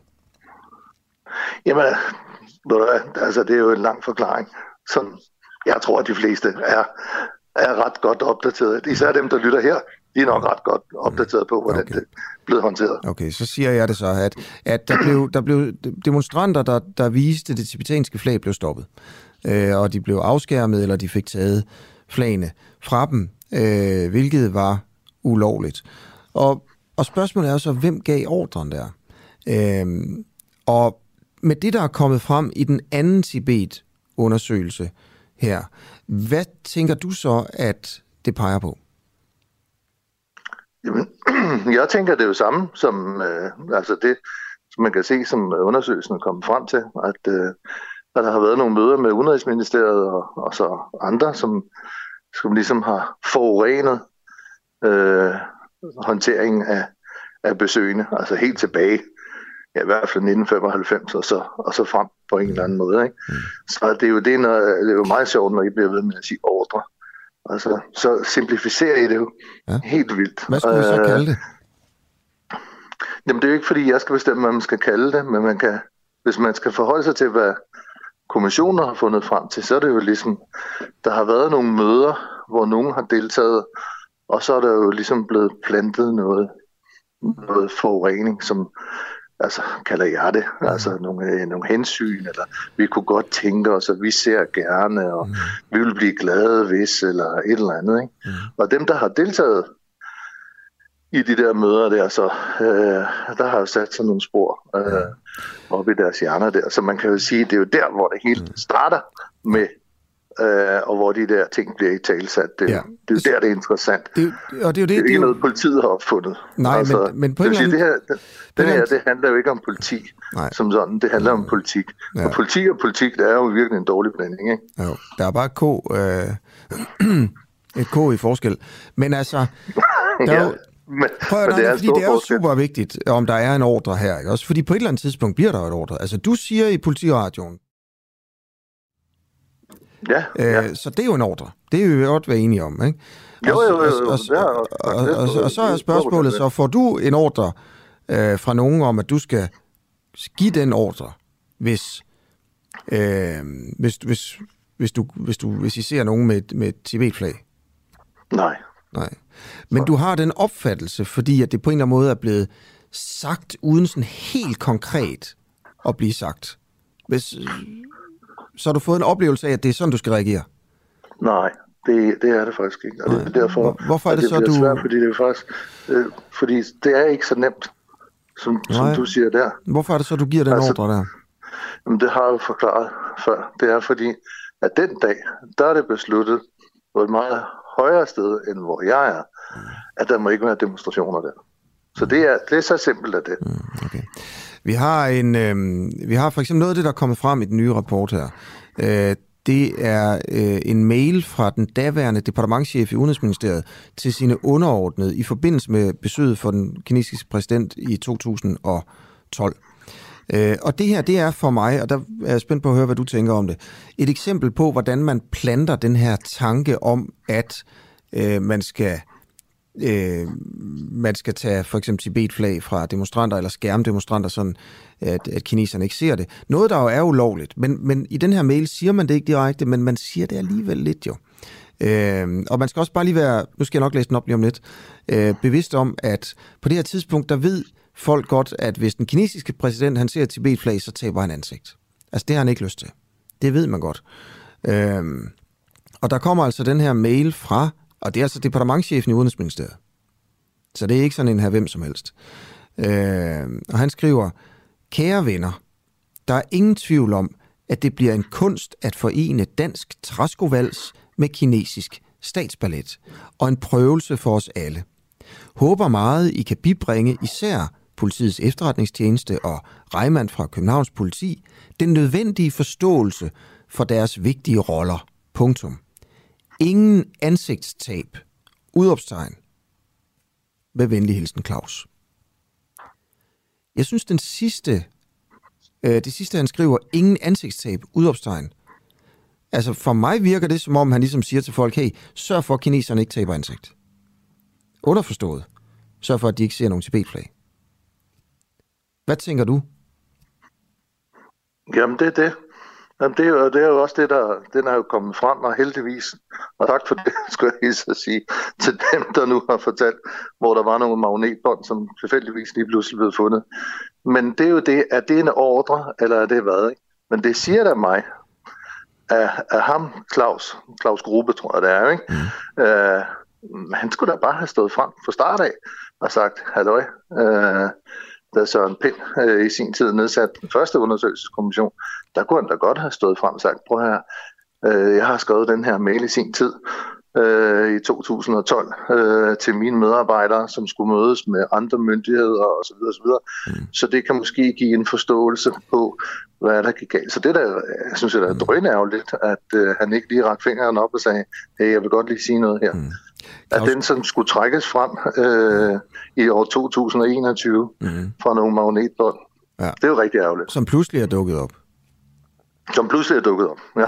Og det er jo et tak til, så vidt jeg husker, DR, som, øh, som laver historien om, at der er nogle backup af, af nogle mails øh, alligevel, selvom man øh, havde troet, at de ligesom var slettet, de her mails. Øh, og så laver man altså den, den anden undersøgelse. Noget, ja. der også er sjovt med ham her, Claus Grube, den tidligere departementchef, ikke? Øh, det er jo, at han påstår i afhøringen, at den mail her fra ham, hvor han skriver ingen ansigtstab, udopstegn, altså den sender han for ligesom at, at pointere, at det er vigtigt, at vi øh, lader folk demonstrere. Ja. Det virker for mig helt sort. Ja, men... Hvad gør det ved dig? Jamen, det er jo... Men det hele er helt sort her.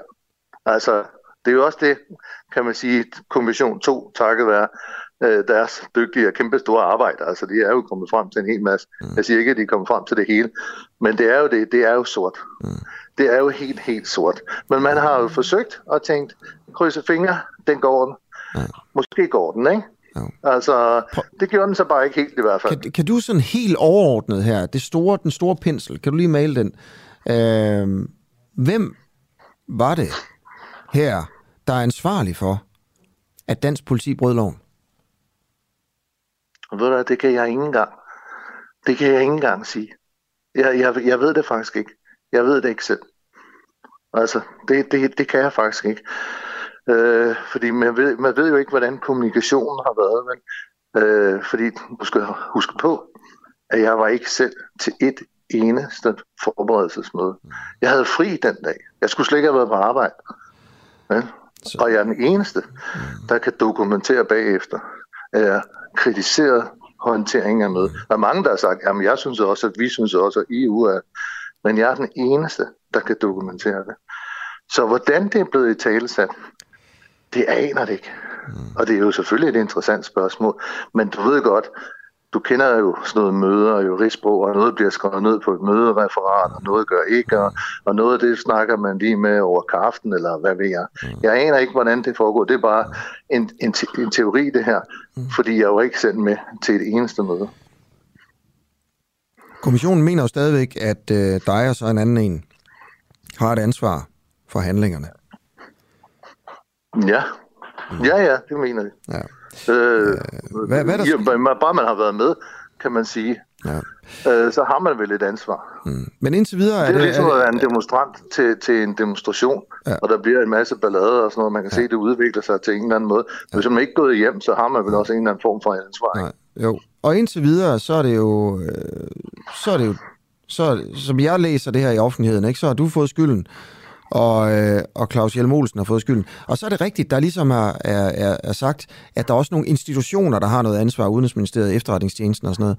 Men sådan, i forhold til at udpege personer ved skyld der, kan du hjælpe med det? Nej, nej, det kan jeg ikke. Jeg aner det ikke. Det okay. gør jeg ikke. Nej. Hvad, så, hvad, hvad, er din, hvad er konsekvensen for dig hvis, personligt hvis været, og dit ansættelsesforhold?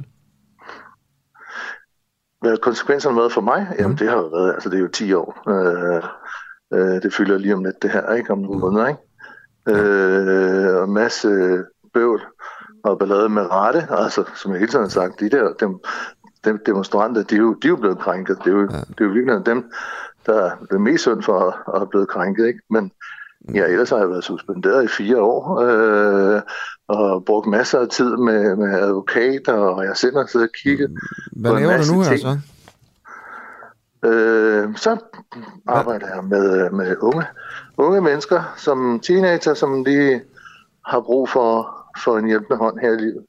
Ja. ja. Okay, vil du have, tu- tusind tak, fordi, øh, fordi du vil være med her. Du griner. Nej, jeg griner ikke. Nej, nej. Ja. Du, fordi du spurgte om, hvad jeg lavede, og det var det. Ja, ja, ja. det er jo det. Så det er jo noget helt andet. Ja, ja jamen, helt sikkert. Henrik uh, Aurier, tak fordi du var med. Ja, ja så lidt. Okay. Godmorgen. Det er altså den tidligere indsatsleder her i uh, Københavns Politi, uh, som, uh, som jeg interviewede, og spørgsmålet er selvfølgelig, hvem har skylden? Hvem har ansvaret?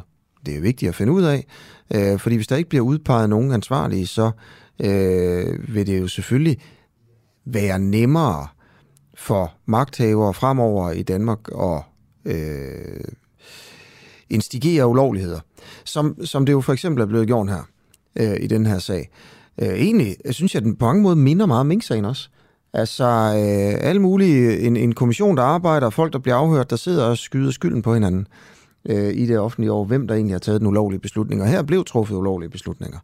Øh, og noget, som vi jo synes er så vigtigt i Danmark, der er også et eller andet med, hvorfor er det så vigtigt det her? Et eller andet flag. Altså, det gør jo ikke noget godt for nogle tibetanere.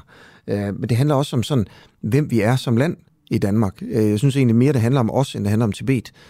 Øh, er, er vi et land, der fitter for kineserne og giver køb på vores principper, øh, når, når der bare er, er, er nok sådan øh, kontrakter øh, mellem øh, Mærsk og den kinesiske stat eller et eller andet involveret? Eller står vi fast? Fordi hvis vi ikke står fast her, så, så siger det også noget om, øh, om sådan vores, vores egentlige forhold til ytringsfrihed. Bare se på Mohammed-tegninger. Der stod den danske stat mere eller mindre fast. Der har man en fornemmelse af, okay, der stod vi på nogle principper. Øh, uanset hvad man mener om det, eller ej. Men så sidder man og tænker, var det bare fordi, at det, øh, det ikke var dyrt nok? Øh, at stå fast. Hvis, hvis det havde kostet rigtig mange milliarder, så havde vi måske ikke stået fast.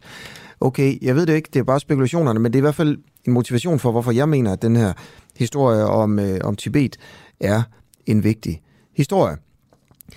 Og nu tilbage til Ukraine. Øh, vi har fokus, og det kommer vi også til at have øh, lidt, lidt senere her, lige om, om cirka 10 minutter, på det forfærdelige, der er sket i Butcher. De forfærdelige billeder, hvis du ikke har hørt dem allerede, så vent lige øh, et stykke tid, så skal jeg nok fortælle mere om det. Øh, det er noget, der ændrer krigen i Ukraine. Men i weekenden her, et andet sted i Ukraine, der prøvede Røde Kors igen at evakuere civile i sikkerhed, og det er altså fra den øh, sønderbombede ukrainske havneby Mariupol. Desværre uden held. Og jeg synes, vi har hørt så meget om, hvor svært det er for folk ud fra den her by. Øh, Bjarke Skåning, du er katastrofechef i, øh, i Røde Kors, og det er jer, der hjælper med, med til det her. Øh, fik man nogen ud her i weekenden? Godmorgen. Jamen, øh, vi fik ikke nogen ud. Jeg tror, det, der er vigtigt at huske, er, at der jo hele tiden øh, i løbet af de sidste uger har været folk, der er flygtet ud af Mariupol. Øh, enten i deres egne biler, eller, øh, eller gående, eller hvad det har været. Øh, det vi selvfølgelig gerne vil fra Røde Korsets side er, at vi ved, at der inde i øh, centrum af Mariupol er et område, hvor der sidder 10.000 vis af mennesker, som ikke har haft øh, adgang til mad, til vand, til strøm, til varme, øh, og som jo har været midt i krigen, kan man sige, i, øh, i to uger nu. Og dem vil vi rigtig gerne ind og have ud. Det er ikke lykkes, fordi at ukrainerne og russerne ikke kan blive enige om, mm. hvordan vi skal hente dem. Nej. Og hvad er det, der sker, når man prøver at hente dem? Jamen, det er jo, øh, det er jo alt lige fra, at øh, der ligger miner på vejen, til, øh, til at man kommer til et checkpoint eller en vejspæring, hvor, øh, hvor vi ikke får lov til at køre igennem, eller hvor der bliver sat spørgsmålstegn ved det, eller hvor man vil gennemsøge vores biler, eller hvad det kan være. Mm. Øh, eller at der simpelthen udbryder kampe. Altså, fordi det er jo også tilfældet, at der jo stadigvæk, øh, der har jo ikke været våbenhvile i Mariupol, øh, på trods af, at man egentlig var blevet enige om det. Men får de ikke lov til at gennemsøge jeres øh, biler? Jo, det gør de jo, men, øh, men vi vil også sige, at altså, eksempel kan være, jeg har også prøvet en gang, hvor vi, hvor vi, øh, hvor vi var igennem, øh, på vej igennem med checkpoint, og så, øh, så stopper de os, fordi der er sådan nogle sakse i førstehjælpskasserne, og siger, at I må ikke have sakse med ind, for eksempel, ja. fordi det kan være et våben, øh, ligesom det er på et, øh, et fly, eller hvad det er i dag. Øh, og, og det er klart, at hvis, hvis men, man... Men, men tog, I, tog I saksen ud så? Mm, øh, dengang gjorde vi, ja. ja. Men det er selvfølgelig klart, at det kommer jo an på, hvilken aftale, der er lavet i det her tilfælde øh, med, øh, med krigens parter om, hvordan vi skal have lov til at køre igennem, og hvordan øh, tingene skal, skal organiseres. Og der kan man sige, at der, det, der, det vi selvfølgelig noterer er, at de aftaler, som, øh, som var lavet, de aftaler, som var meldt ud øh, af både russerne og ukrainerne, de blev ikke overholdt. Mm. Og det vil sige, så må vi også sige, jamen så kan vi ikke køre ind. Altså hvis vi ikke er sikre på, at ikke som selvfølgelig også lidt vores egen sikkerhed, men selvfølgelig primært de folk, vi skal ind og hente. Når vi kommer med 54 busser, som vi skal følge med civile, som har været fanget i krigen i uvis, så skal vi også være sikre på, at vi kan få dem ud. Så skal vi være sikre på, at, øh, at krigens parter vil lære os dem ud. Ja, du, du siger, at krigens parter øh, bryder nogle gange aftalerne. Er det også øh, Ukraine? Som jo er den ene det, part. det er krigens parter. Altså, det er det jo. Altså, det, er jo- det er jo ikke... øh, Det er jo ikke sådan, at vi øh, diskuterer i pressen, hvem, øh, hvem der bryder hvilke aftaler, men, men jeg vil sige, i, øh, når jeg kigger tilbage over de sidste uger, jamen så, øh, så har der været udfordringer på begge sider, og det kan jo være forskellige ting. Altså, Vil du og prøve jeg at fortælle det- lidt om, vil du men- prøve at fortælle, men- fordi det er overraskende for mig, at, øh, at der også er noget ved, altså som den ukrainske hær gør, som gør, at det er svært at hente øh, civile ud af Mariupol. Øh, fordi jeg har haft det indtryk, at det var 100% russerne. Øh, vil du prøve at give nogle eksempler på, hvad det er, ukrainerne øh, gør, som forhindrer jer i at tage, tage civile ud af byen?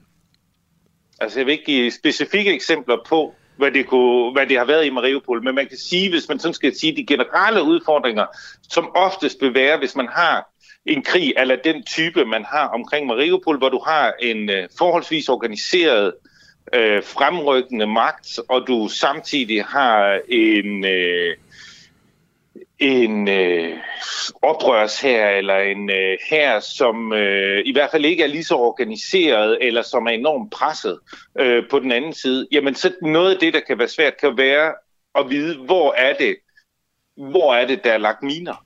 Hvor er det, man øh, har... Altså, hvem er det, der er på vej frem? Hvad er kommandovejen? Altså det at, at, at sikre, at øh, man helt inde øh, i et område ved, hvad er der aftalt et eller andet andet sted uden for området. Altså den der kommunikationslinje, altså den, den kan godt være svær at etablere, og det vil sige, at der kan det jo godt være, at der er nogen, der siger, jamen, øh, I må ikke komme ind, eller I, altså jeg har prøvet en gang, hvor vi fik at vide, at øh, hvor vi skulle ind og evakuere nogen et sted, øh, og hvor vi fik at vide, at det kunne ikke øh, lade sig gøre, fordi vi ikke havde noget nødhjælp med. Ja. Jeg, eksempel. jeg, skal, jeg skal lige spørge dig om noget her. Mm. Du vil ikke give eksempler på her til morgen, hvad ukrainerne gør, for at I ikke kan komme ind i Mariupol. Jeg vil hverken give eksempler på, hvad ukrainerne Ja, eller øh, Men, men russerne kender gør, du fordi de her... det diskuterer, Ja, to, to det sekunder, diskuterer to sekunder, ikke. Jeg, nej, men det... Jeg, øhm, jeg synes, det er super interessant, om, om ukrainerne også er skyld i det her. Øh, har du, du skal bare spørge dig, har du eksempler på det, men du vil bare ikke fortælle om det? Er det sådan, jeg skal forstå det? Altså, der er ingen tvivl om, at når vi kigger tilbage over de sidste uger, jamen, så, er der ikke, så, så har der været udfordringer på begge sider, ja. Men, men du, så, du, så du kender eksempler på det her, men du vil bare ikke sige det? Jamen, altså, det diskuterer vi jo ikke i pressen. Altså, men, men vi noterer... øh, Hvorfor ikke? Altså, jamen, fordi det er noget, vi diskuterer. Det er jo sådan, at Røde Kors arbejder. Det er jo noget, vi diskuterer med mm. krigens parter. Det er okay. ikke en diskussion, vi har Så- i, i pressen. Så det, jeg men, hører men det er klart her, for os... Her til morgen, det det er, at der er faktisk ukrainer, der forhindrer jer også i at komme ind og hente civile ud. Men du vil ikke fortælle, hvordan de gør det. Men, øh. men, jeg tror ikke, men, men jeg tror, det der er vigtigt er at huske på, at det er jo ikke nødvendigvis, fordi de vil forhindre det. Men det kan jo være, at de ikke har fået beskeden om, at de skal komme, mm. og derfor ved, ikke ved, at de ikke skal skyde. Ja. Eller at de... Skyder de øh, på jer? Skyder ukrainerne på Røde Kors? Altså, nu skal man jo... Øh, jeg vil sige, det, det der sker er jo oftest i sådan en situation, at hvis der er nogen, der skyder, så skyder alle. Ja. Altså, hvis, øh, hvis det er, at vi Ja. kommer kørende, og der så er skyder, altså, at der er en, der, der ser, okay, nu kommer der nogle lastbiler kørende, eller øh, kan mærke, at, øh, at der er use... Altså, det, er jo- det, jo- det, er jo, det er jo et spørgsmål om, hvordan er det, man får kommunikeret, at nu er der en våbenhvile, for Ja, ja. Men er, er Røde Kors blevet beskudt af, af ukrainske tropper ved Mariupol? Det, disku- det diskuterer vi ikke i pressen. Altså, det gør vi ikke. Vi diskuterer ikke, hvem er det, der er skyld i det. Vi, vi noterer, at det, der er nødvendigt for, at vi kan komme frem, det er, at krigens parter, i det her tilfælde ukrainerne på den ene side og russerne på den anden side, er enige om, hvordan er det, vi skal komme frem. Vi, og, og, og hvad er det, vi skal komme frem med? Altså, og det tror jeg jo, det er den anden del. Altså, jeg har også prøvet, altså, som jeg sagde før, jeg har også prøvet, at der var nogen et checkpoint, som sagde, jamen, I kan godt, altså, I kan ikke få lov til at komme ind og hente folk, fordi I skal også have noget med ind til dem, I ikke kan hente. Ja. Altså, Okay, i, hvis man kigger i Mari- Mariupol nu, har vi jo kun fået lov til at have lastbiler med ind, eller ikke øh, lastbiler, busser med ind. Vi har ikke fået lov til at have nødhjælp med ind. Altså, så der er jo, altså, det, er jo, det er jo klart, at der kan foregå alle mulige diskussioner, og der kan stå en, øh, en ved et checkpoint, en soldat ved et checkpoint, eller en leder af checkpoint, som siger, hey, jeg har ikke fået noget at vide om, I skal ind. okay. Derfor kan I ikke få lov til at komme ind. Men tusind tak, fordi du vil være med til interviewet. Bjarke Skåning, katastrofechef i øh, Røde Kors. Tre minutter i halv ni er klokken her. Øh, der er her til morgen en stor historie. Det er, øh, det er billederne fra øh, Butja, som er, øh, som er en forstad til Kiev i Ukraine. Russerne er lige trukket sig ud, så kommer ukrainerne og journalisterne og ser lige på gaderne. Øh, der er videoer, hvor man kan se en bil, der kører ned ad gaden, som må zigzagge øh, mellem de lige, der ligger ude på gaden. Det er et villakvarter. Forestil dig et villakvarter i den by, du bor i. Og så en morgen, så ligger der lige øh, sådan øh, rundt omkring, så man ikke kan køre ned ad gaden. Øh, og hvis du kører ned af, jamen så et sted ligger der, ligger der tre mænd, ser det ud til. Øh, en af dem er bundet, har hænderne bundet på, øh, bag på ryggen, og så er han simpelthen blevet, blevet skudt. Øh, der er op mod 300 civile, der er døde i den her by, siger borgmesteren. Et, øh, et internationalt nyhedsbureau siger, at jamen, på en gade ligger der bare 30 lig. Det her tyder på, øh, på, på, på krigsforbrydelser, sådan ret markante krigsforbrydelser. Det, det tyder på, at der er blevet henrettet civile, og Zelensky, altså præsident i Ukraine, siger, at det nu er et folkemord, der foregår. Det er første gang, han bruger det ord. Øh, hvad i alverden er der er egentlig foregået i den her forstad til Kiev, øh, der hedder Butcha. Kenneth Bull, du er øh, militær forsker ved Institut for Strategi og Krigsstudier på Forsvarsakademiet, og tak fordi du vil være med her til morgen. Godmorgen. Ja, godmorgen. Godmorgen. Øh, vi prøver at danne os et overblik øh, over, hvad der er foregået i, i Butcha. Hvad, har, har du et eller andet form for overblik? Jeg tror, det er, det er de færreste, der har et fuldstændigt overblik øh, over, hvad der er sket, måske lige på nær de militære ukrainske styrker, der er i byen lige nu. Og selv de øh, står jo foran et, et større opklaringsarbejde. Øh, det jeg jo tænker ud fra de fortællinger og de billeder, jeg hører her, er jo, at når vi ser billeder af døde civile i gaderne, så er det jo ikke i sig selv en vidnesbyrde om øh, krigsforbrydelser. Det kan jo sagtens være civile, som er blevet fanget i frontlinjen øh, imellem de to stridende parter, fordi de har været på det forkerte sted og det forkerte tidspunkt. Der har jo også været noget frem om, om det kan have været civile, som har deltaget i fjendtlighederne. Vi har jo hørt historier om civile, som har fremstillet molotov-cocktails og sådan noget, men jeg synes ikke, der er noget af de billeder, jeg ser, der indikerer, at, at, at det har været tilfældet. For det er selvfølgelig klart, at hvis civile deltager i fjendtlighederne, så mister de den beskyttelse, som civile har, og kan derfor blive lovlige militære mål. Det kan jo også bare være civile, som er blevet skudt ned øh, på større afstand, og drab på civile, øh, hvor civile decideret bliver mål, det er jo selvfølgelig i sig selv en krigsforbrydelse. Og så kommer det sådan set det mere alvorlige. Det er jo, hvor civile er blevet taget til fange, og så efterfølgende er blevet henrettet uden rettergang. Det, som vi i fagsproget kalder for summariske henrettelser. Og det er en ganske alvorlig krigsforbrydelse, formentlig en af de mest alvorlige krigsforbrydelser, vi har. Mm. Hvis det her har været et led i en overordnet politik for de russiske styrker, så kan vi også komme op og tale om, at der kan foreligge øh, forbrydelser mod menneskeheden. Men nu hvor øh, Zelensky jo selv forbrydelsen, øh, for, altså folkedrab, det vil jeg så stille mig lidt tvivlende over for, fordi det er øh, en type af forbrydelser, som selvfølgelig er meget alvorlig, men hvor det kan være meget svært at løfte øh, bevisbyrden, fordi at det kræver øh, både, at du beviser, at man bevidst har slået folk ihjel, men man også samtidig har gjort det med det formål at udslette en befolkningsgruppe. Og det tror jeg, lige ned det sidste aspekt, at det bliver lidt svært. Hmm. Det her. Ja, der er han måske lidt hurtig ved haveloven, Zelensky. Det er han måske, men det er jo måske den følelse, man sidder med mm. øh, som præsident, når øh, man fører en eksistenskamp, fordi at øh, det her det handler jo om øh, den ukrainske nations overlevelse.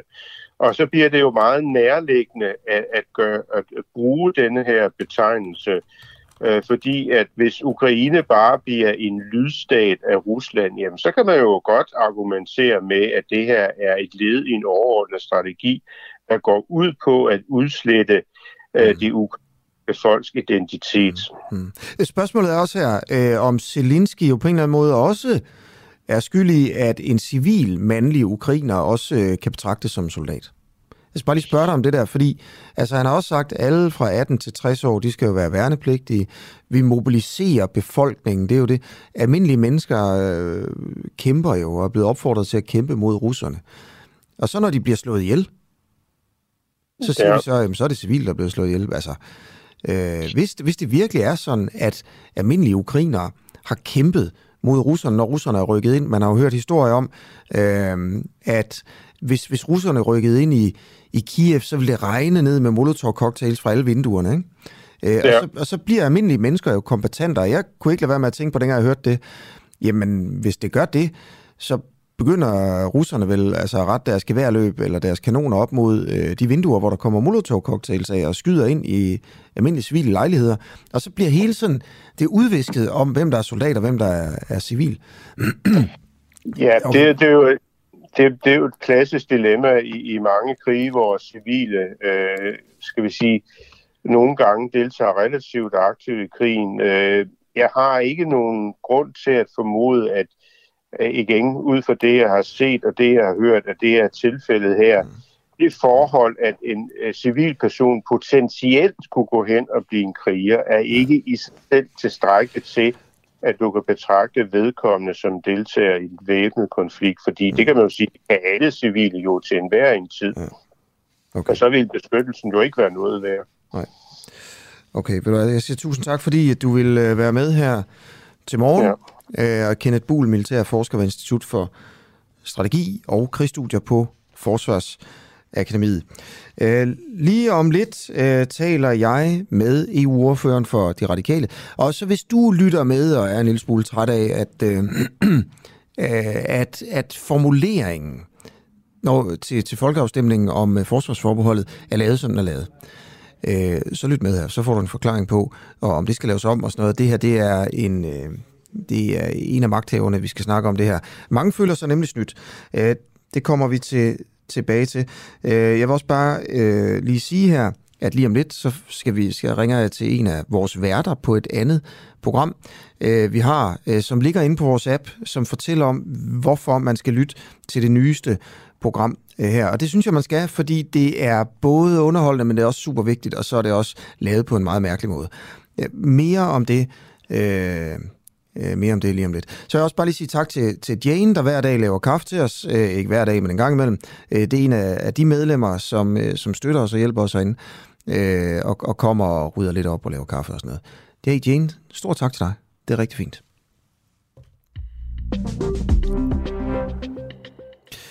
Okay, og nu til den her EU-afstemning. Øh, og jeg siger altså godmorgen til Anne-Sophie Kallesen, EU-ordfører for øh, det radikale Venstre nu her. Godmorgen.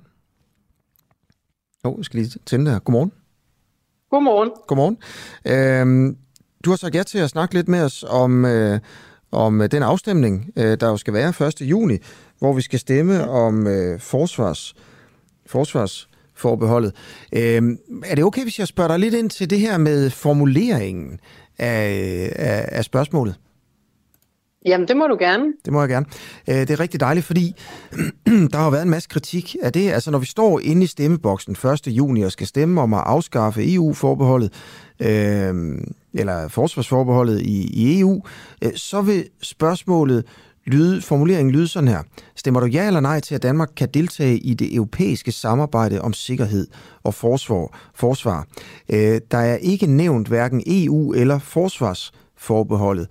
Øh, og så er det, jeg kommer til at tænke på her, om øh, de politikere, øh, som elsker EU, eller godt vil have mere EU, øh, og gerne vil have, at vi stemmer ja, de har formuleret det sådan her, for at snyde danskerne til at stemme øh, ja. Øh, for at være helt ærlig. Ikke? Og det er jo det, vi, der, der er nogen, der tænker, og så vil vi spørge dig om det. er der det. i hvert fald nogen, der siger. Ja, ja lige præcis. Øh, og det er jo altså noget, der kommer fra udenrigsministeren Jeppe Kofod. Det her i lovudkastet, det bliver kritiseret af Dansk Folkeparti og øh, Enhedslisten. Synes du, at det her det skal omformuleres, så der står EU og forsvarsforbeholdet i teksten? Øh, jeg vil sige, vi har jo mange gange stemt, hvor der ikke har været ordet forbehold. Altså det hed heller ikke, øh, ønsker du et forsvarsforbehold, da vi indførte det. Så jeg synes, at kritikken, øh, på nogle punkter er den jo ret forudsigelig, fordi at nej-siden også vil gribe til alle muligheder for øh, at kritisere ja-siden, og sådan er det nu engang. Øh, men man kunne selvfølgelig godt, altså det er jo ikke en formulering, nu siger du de politikere, der stemmer ja, det er jo regeringen, der har valgt øh, formuleringen. Øh, jeg kan godt leve med den, det er måske ikke så overraskende, men jeg kan da godt se, at øh, det havde måske været klogere, hvis man ville undgå kritik, så kunne man måske have valgt en mere præcis formulering. Jeg synes ikke nødvendigvis, der skulle stå forbehold, men, øh, men det er rigtigt, man kunne måske i hvert fald have skrevet EU. Okay, vil du arbejde for, at den bliver lavet om? Jeg tror, det bliver svært at lave det om nu, men, og jeg tror også, at uanset men, hvad vi ændrer den til nu, men, så vil der være kritik af det, medmindre vi... Vil du arbejde for, at den bliver lavet om? Nej, det vil jeg ikke. Jeg synes, at øh, det er vigtigt, at vi nu gør det klart. Jeg tror godt, at alle ved, hvad vi stemmer om. Øh, mm. Og så må vi selvfølgelig gøre det klart, hvad vi, øh, hvad vi stemmer ja og nej til. Det synes jeg, vi har et ansvar for på mm. begge sider at være helt tydelige omkring. Mm. Okay. Øh, så hvis jeg spørger dig, du vil ikke, lave, du vil ikke arbejde for at lave den om, men, men hvis du havde været udenrigsminister, hvis du havde bestemt, eller hvis det radikale venstre skulle have bestemt, skulle man så have nævnt EU i, øh, i den her formulering? Ja, det synes jeg. Hvorfor? Øh, jamen fordi, at øh, det er mere præcist, øh, og, øh, og der er jo også, øh, nu sidder jeg selv for eksempel i Europarådets parlamentariske forsamling, der er så ikke et sikkerheds- og forsvarssamarbejde, men der er jo andre europæiske samarbejder, ja. øh, og derfor kan man sige, havde det været mere præcist at gøre det klart, at det selvfølgelig er EU, Hvor, det tror jeg godt, alle ved, men alligevel. Hvorfor, hvorfor er det vigtigt, at det er mere præcist? Jeg tror, man havde afbødet måske noget af kritikken, men omvendt vil jeg også sige, at lige nu så vil der blive grebet fat i enhver øh, kritik, mm. som, man, øh, som man kan finde fra nej-siden. Og sådan, sådan er det. Er, er der, er der andre men, grunde til at være mere præcis i sådan et spørgsmål, end at man slipper for kritik? Øh, jamen, det er altid godt at være præcis. Hvorfor? Altså, så, det synes jeg, der er en værdi i sig selv, at man prøver at formulere men, tingene så præcis, som hvorfor man er det, kan. Hvorfor vil det være vigtigt, at, at sådan et spørgsmål, når man står i en stemmeboks, når vi skal stemme om at afgive suverænitet, øh, at det er et præcist spørgsmål? Jamen, det synes jeg næsten giver sig selv, at man skal selvfølgelig prøve at formulere øh, spørgsmålet, så det er så præcist så, som muligt for vælgerne. Måde. Hvad er det dårlige ved, hvis det er upræcist? Øh, jamen, jeg tror som sagt, at du vil gerne have mig til at sige, at folk ikke ved, hvad de stemmer om. Det tror jeg virkelig godt, at alle ved. Øh, så for mit vedkommende, så er det faktisk mest, fordi jeg synes, det er lidt af en foræring øh, til, øh, til nej-siden. Øh, og, øh, og det synes jeg er ærgerligt, men okay. nu er det som det er, og jeg er sikker på, at alle ved, hvad vi skal stemme så, om. Så den eneste grund, du kan se til, at det her, øh, den her formulering skulle være mere præcis, det er, at så vil man slippe for kritik fra Enhedslisten og Dansk Folkeparti. Det er ikke fordi, at, at folk så skal, øh, skal kunne få et, altså, kunne stemme øh, bedre, eller øh, øh, et eller Nej, andet? jeg tror, det er det eneste, jeg tror godt, at alle ved, hvad vi stemmer om, og ja. det er også derfor, jeg heller ikke øh, vil okay. bruge mit krudt. Nu spurgte på, om jeg vil ændre øh, ja. formuleringen. Jeg synes, det vi alle sammen har et ansvar for de næste måneder, det er at oplyse om, ja. hvad vi skal stemme, og hvorfor vi henholdsvis anbefaler et ja eller et nej. Og det synes jeg er ærgerligt, at nej-siden øh, har valgt okay. at bruge deres energi på en anden Hvorfor måde. tror du, det, nu spekulerer vi lige her, at udenrigsminister Jeppe Kofod han har formuleret spørgsmålet sådan her, uden at øh, nævne EU eller øh, forsvarsforbeholdet. Øh, han skriver bare, stemmer du ja eller nej til, at Danmark kan deltage i det europæiske samarbejde om sikkerhed og forsvar. Der står ikke EU-samarbejde. Øh, hvorfor tror du, han har formuleret det på den måde? Det må du spørge ham om. Hvad, hvad, hvad tror du? Tror... Jeg tror faktisk ikke noget.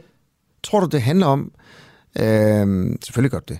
Tror du det, at han har siddet og tænkt, øh, at hvis man formulerer det sådan her, så er der flere, der vil stemme ja? Nej. Okay. Tusind tak for interviewet. Selv tak. Ja. God dag. I lige måde. I lige måde. Øh, og det var altså EU-ordføreren for de, øh, de radikale, som var med her, anne Sofie Kallesen, altså ja, EU-ordfører de råd, man får som, øh, som barn og ung, de passer ikke helt, fordi man kan faktisk godt leve af sorte penge, hvis man indretter sig på den rigtige måde, og man kan faktisk også leve ganske udmærket på den måde. Sådan snyder danskerne systemet. Hver uge interviewer de to værter, Morten og Peter, danskere, som afslører, hvordan de snyder og bedrager systemet. Jeg har jo fundet nogle, en måde at leve på og måde at arbejde på, som, som gør, at jeg kan fungerer uden for systemerne. Alle kan lytte med. Dig, der gerne vil snyde, og dig, som gerne vil stoppe snyderiet, og dig, som bare er nysgerrig. I programmet Snyd og Drag kan magthavere opdage, hvor let det er at snyde. Og så kan de jo lukke hullerne, hvis de vil. Er sur. Lyt til Snyd og Bedrag på den uafhængige app, som kan downloades gratis. I Kiev, forstaden Butcha, der ligger øh, døde civile i gaderne. Det skriver blandt andet Guardian ifølge byens borgmester. Øh, der er mere end 300 civile blevet dræbt. Nyhedsbyrået AFP øh, har talt 20 lig, der ligger i en enkelt gade. Rusland afviser de her henrettelser, men alt tyder, eller meget tyder på krigsforbrydelser. Og nu siger vi, eller nu siger jeg, godmorgen til Mark Schack, adjunkt i Folkeret ved Forsvarsakademiet. Kan vi få øh, Putin stillet for en dommer i Haag efter det her? Godmorgen. Godmorgen. Øh, I praksis er det nok svært. Øh, der er ret langt fra, fra at Putin han, øh, han skulle overgive sig eller blive, blive, blive fjernet og ende i Haag til, øh, fra, fra nu i hvert fald. Så, så i princippet ja, men, men i praksis nok nej. Og, og, hvad kan man gøre for at få ham til Haag? Jamen, øh, det er nok ikke øh, jurister, der kan gøre så meget. Det er nok en politisk sag. Det er noget, noget der handler om, hvorvidt han, øh, han stadig har magten i Rusland og er i stand til at blive siddende, øh, frem for hvorvidt han er gjort sig skyldig i overtrædelser af krigens love. Mm. Okay, det, det må vi jo se. Vi ved det jo ikke, men det kan jo godt være, at det ender ligesom Milosevic, at han en dag sidder på anklagebænken øh, yes. og, og skal forsvare sig selv. Hvis det ender sådan, hvis vi forestiller os her, at Putin sidder i Haag, og man kan se ham med de der hørebøffer på, øh, så, så det, som dommeren siger, bliver oversat til, til russisk. Øh, hvad vil sagen mod ham så være, som, som det ser ud nu? Jamen, man skal jo bevise, at han har været, øh, været ansvarlig for de forbrydelser, der er blevet begået, så man skal tegne en linje mellem de konkrete forbrydelser, der er blevet begået, og hans ansvar. Så, så grundlæggende så skal han som, øh, som overordnet øh, kunne stilles til ansvar for det, hans, hans underordnede har gjort. Så man skal, man skal vise, at han har vidst, hvad der er foregået, og han ikke har gjort nok til at stoppe det. Eller han måske endda har givet ordre om, at der skulle, der skulle begås forbrydelser. Ja. Og hvordan ser det ud med det? Jamen, altså, lige nu er det svært at sige øh, så meget på så højt niveau. Det, det er ret tydeligt, at der bliver, bliver begået også ret alvorlige øh, krigsforbrydelser, og det er også ret tydeligt, at det bliver begået mange steder af mange forskellige militære enheder men det er ikke helt klart, om der er afgivet ordre om, at det er det, der skal ske, eller om det er noget, som sker, fordi man ikke har, har kontrol med, eller, eller man er ligeglad med, om man, man øh, øh, slår sig ihjel, for eksempel, når man angriber. Okay. Det, der er sket øh, her i, i Butja, øh, i weekenden. Det vi har fundet ud af, der er sket, det er jo sådan, at russerne rykker ud, så rykker ukrainerne og journalisterne ind og ser de her billeder. Øh, hvad tænker du om det i forhold til sådan juraen i det? Altså jeg tænker umiddelbart, at det er svært at forestille sig, at man kan få meget klare beviser på krigsforbrydelser end det her midt under en krig. Øhm, der, vi har både vi har, vi har øjenvidneberetninger, vi har billeder fra uafhængige journalister, og vi har en kontekst, der viser, hvad der sådan cirka er sket.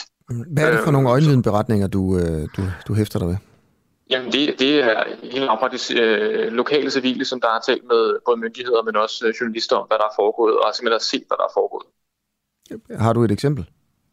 Ja, altså, jeg, jeg, der er både, jeg, nu har jeg mest kigget på, kigget på New York Times, der, der er talt med en del forskellige, øh, men, men, men det har, så vidt jeg kunne se, det er nyheder, har også talt med, med, med forskellige, som, som egentlig bare forklarer, at jeg så, at den her person blev skudt på den her måde, da russerne rykkede ind. Mm, øh, øh, nu er det bare fordi, øh, altså jeg har også læst et par stykker, blandt andet sådan noget med øh, nogen, der blev, øh, nogle civile ukrainer, der blev stillet op, og så fik de øh, poser over hovedet, fem mand, og så er det sådan, den ene blev skudt.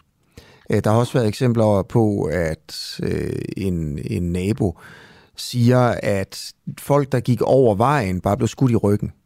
Eller yes. der var nogen, som sad i deres biler, og så kørte de der tanks bare over bilerne, sådan helt bevidst, og kvæst folk. Ja. Øh, hvad er det for nogle historier, øjenhvide beretninger, eller hvad man siger, som du har læst? Kan du prøve at give et eksempel, bare fordi jeg har ikke fået læst det hele, og det kan være, at dem, der lytter med, heller ikke har. Jamen altså helt lavpraktisk, så, så, så kan jeg huske et interview med, med en, en kvinde, som der fortalte, at hendes datter var, var gået ud øh, for at se, hvad der foregik, da, da russerne rykkede ind. Og der kom, øh, kom en kolonne af kampvogne kørende, og datteren troede ansynligt, det var ukrainer, og det var så russere, og de skød hende set, før de rydde noget, noget ind i byen. Øhm, uden åben, åbenlyst grund er det, der blev fortalt. Øhm, så det er sådan et helt lavpraktisk eksempel på en historie, der bliver fortalt, som hvis det er sandt, så er det jo en oplagt krigsforbrydelse. Ja, okay. Øhm, okay. Jamen, ved du hvad, tusind tak for, øh, fordi du vil være med her til morgen. Det er det. Ja, og det er altså Mark Schack, øh, som var med her, øh, adjunkt i folkeret ved Forsvarsakademiet. Øh, og lige om lidt, øh, så skal vi til Frankrig øh, ned og se på øh, Øh, hvordan det går med Macron, der gerne vil være præsident igen jo, men, øh, og det så ud til, at det jo bare gik øh, sådan slag i slag, og det skulle han nok blive, indtil at det begyndte at vende her for, inden for det seneste stykke tid. Jeg ved ikke præcis, hvornår det vendte, men øh, hans hovedmodstander, Marine Le Pen, vinder simpelthen en lille smule øh, frem, og nu, er, nu har han simpelthen ændret sin, øh, sin valgkamp øh, en, lille, en lille smule. Så det Øh, det skal vi til, og så, så har jeg også lige lovet jer, at vi selvfølgelig ringer til Peter Marstal, der har været på et af vores, øh, et af vores programmer. Så nu skal vi se, for Connie på fra øh, Frankrig lige om to sekunder. Jeg venter lige til vi har en fuldstændig igennem.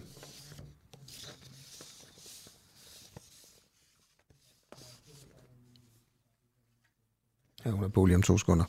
Øh, det gør ikke noget. Vi venter bare. Ja, og så siger vi, eller jeg siger godmorgen, Connie. Ja, godmorgen. Godmorgen, Connie Pedersen, kan med i fransk uh, artikelskribent om franske forhold. Jeg skal lige præsentere dig ordentligt her.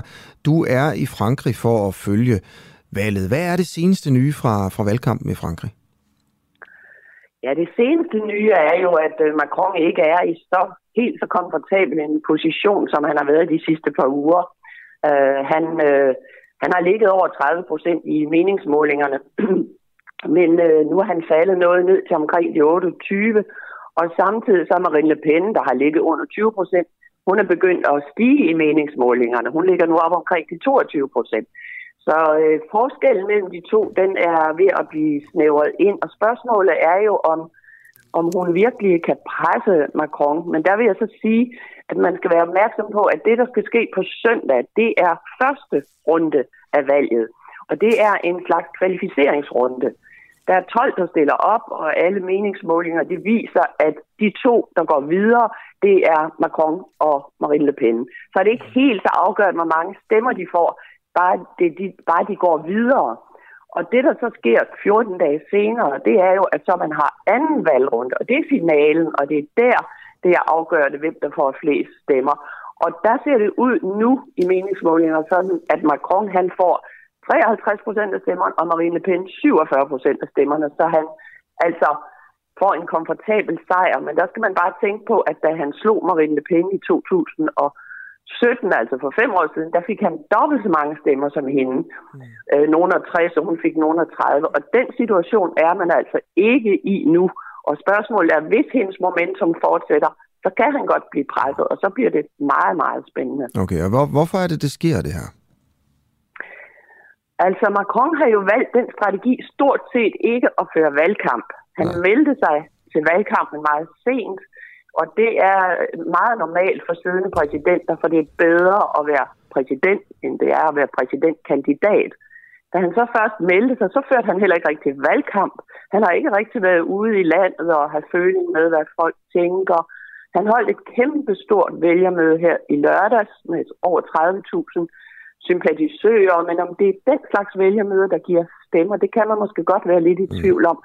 Til gengæld, så Marine Le Pen, hun har jo rejst landet tyndt. Hun har holdt møder med 100 lastbilchauffører og 50 bønder eller landmænd, og øh, hun har en fornemmelse for, hvad det er, der rører sig. Og det, der rører sig, det er jo, at folk er bekymrede for de stigende priser. Det, man kalder købekraften hernede. Og det har hun adresseret, og det er nok derfor, hun får øh, så stor opbakning, tror jeg. Macron, han havde jo den fordel, eller det kan man jo ikke sige, men, men altså i starten af øh, Ukrainekrigen, der samledes folk om ham. Man, man taler om, at man samledes om fanen, men den virkning er sådan gået lidt væk, tror jeg. Okay. Tusind tak, fordi øh, du vil være med til en kort analyse. Connie Pedersen kan med i fransk, der altså følger valgkampen i Frankrig. Det er jo selvfølgelig også noget, vi følger, det er klart, øh, når der skal være ny præsident i, i Frankrig. Øhm, sagen her med Butcher har selvfølgelig også sat fokus på, om man kan gøre mere mod Putin for at genere ham, for at få på en eller anden måde hjælpe ukrainerne. Og, og vi har jo snakket om det mange gange før, hvad kan de danske firmaer gøre, men hvad kan de danske forbrugere gøre? Øh, en af de øh, virksomheder, der stadigvæk er øh, i Rusland, en af de danske virksomheder, der er der og opererer derinde, det er skokoncernen Eko, der har deres 250 butikker i Rusland åbne.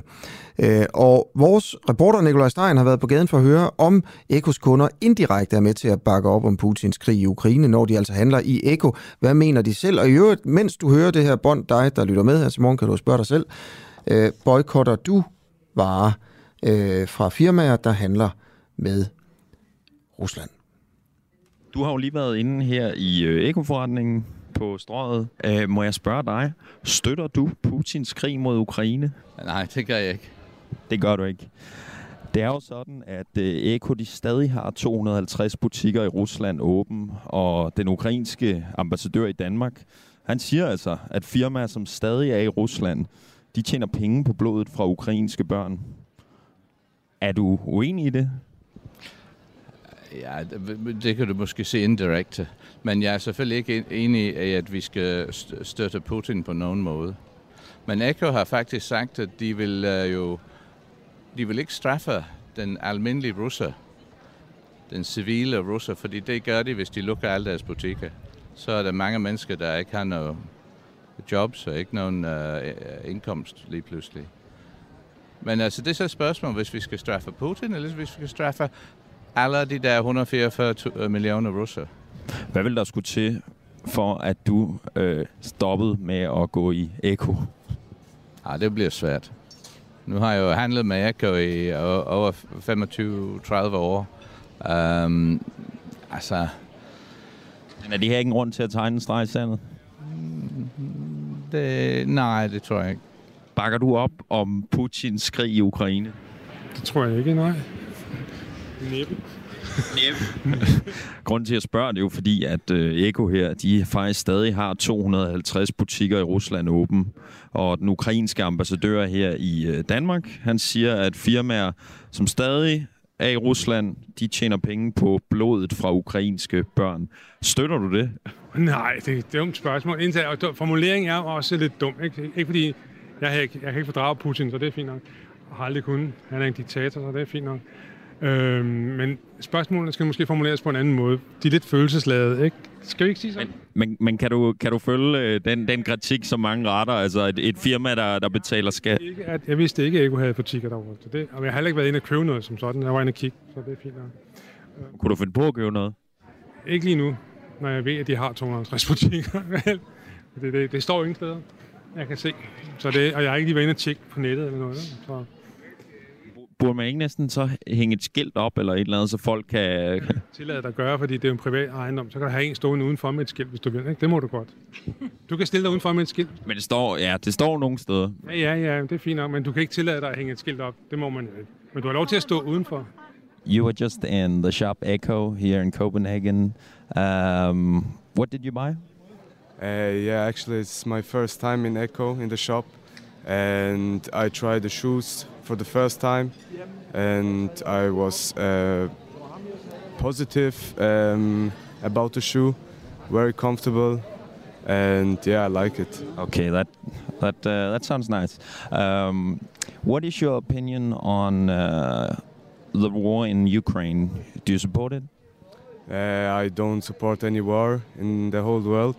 Okay, it's just because uh, Echo still have 250 shops open in Ukraine, and the Ukraine ambassador in Denmark have said that companies who still are in Russia, they own money on the blood of Ukrainian children. Uh, do you agree with that opinion? Uh, no, I absolutely don't agree. I think uh, if a business go, uh, goes to close because of war, uh, I think that's really bad. And what's happened with the children, I don't, I don't support any uh, people that say that's that's the reason because of Echo or something like this. I don't support that. Eko øh, har øh, 1.800 russiske medarbejdere, øh, og det er på grund af dem og deres familier, at Eko stadigvæk har Øh, butikkerne åbne i Rusland, siger du. Siger de, Eko havde et underskud øh, på 2020, øh, i, i 2020 på 174 millioner kroner, øh, men altså de 10 år forinden, der har man haft en samlet indtjening på 7,6 milliarder kroner i det, der hedder Eko Holding. Der er mange øh, danske firmaer, der har stoppet med at operere i Rusland, Carlsberg, Jysk, Lego, Danfoss, Årslev og, og Velux. Det er blandt de øh, virksomheder, der har trukket sig helt ud af Rusland. Men der er nogen, der stadig er der, blandt andet Eko. Rockwool er der også. Vi har flere forskellige programmer, udover vores morgenprogram, som man kan høre inde på øh, vores, øh, vores app, den uafhængige app. Øh, og et af de programmer, øh, det er et program, der hedder Snyd og Bedrag, øh, hvor øh, du er vært, Peter Marstal. Godmorgen. Det er rigtigt. Godmorgen. Prøv, der er lige kommet et nyt afsnit, og kan du ligesom fortælle, ikke at, altså, hvorfor man skal høre det, men måske mere lidt om, hvad man kan høre, hvis man går derind? Mm, ja, men øh, man kan høre Mikkel Gudsø, som er ekspert i forhandling. Han underviser i hvert fald også i det og laver kurser med det og sådan noget. Men det, det egentlig handler om, det er, hvordan man primært altså, bruger løgnen til at lønforhandle og så få sin vilje. Øh, og bruge kropsproget og sådan nogle ting. Så, så det er første gang, vi laver et afsnit, som ikke handler om noget ulovligt eller mm. kriminelt. Ja. Okay, hvis det er et program, der handler om, hvordan man kan snyde, og hvordan ja. folk snyder i, øh, ja. i Danmark. Øh, og hvordan kan man så bruge altså, sin kropsprog og, og sådan noget til at på en eller anden måde snyde til en, til en lønforhandling? Jamen, der er et eksempel, som øh, det kan du eventuelt måske nå at spille, hvis det er, men hvor man kan sige øh, noget om, hvis man nu gerne vil have, hvis jeg nu gerne vil have 5.000 kroner mere af dig, Asger, mm. så går jeg ikke ind til en lønforhandling og siger, jeg vil have 5.000, mm. eller jeg går heller ikke ind og siger, jeg vil egentlig være i princippet tilfreds med 1.500, men, øh, men jeg går ind og siger, giv mig 6.000. Ja. Og så siger du, det kan jeg ikke være din smertegrænse.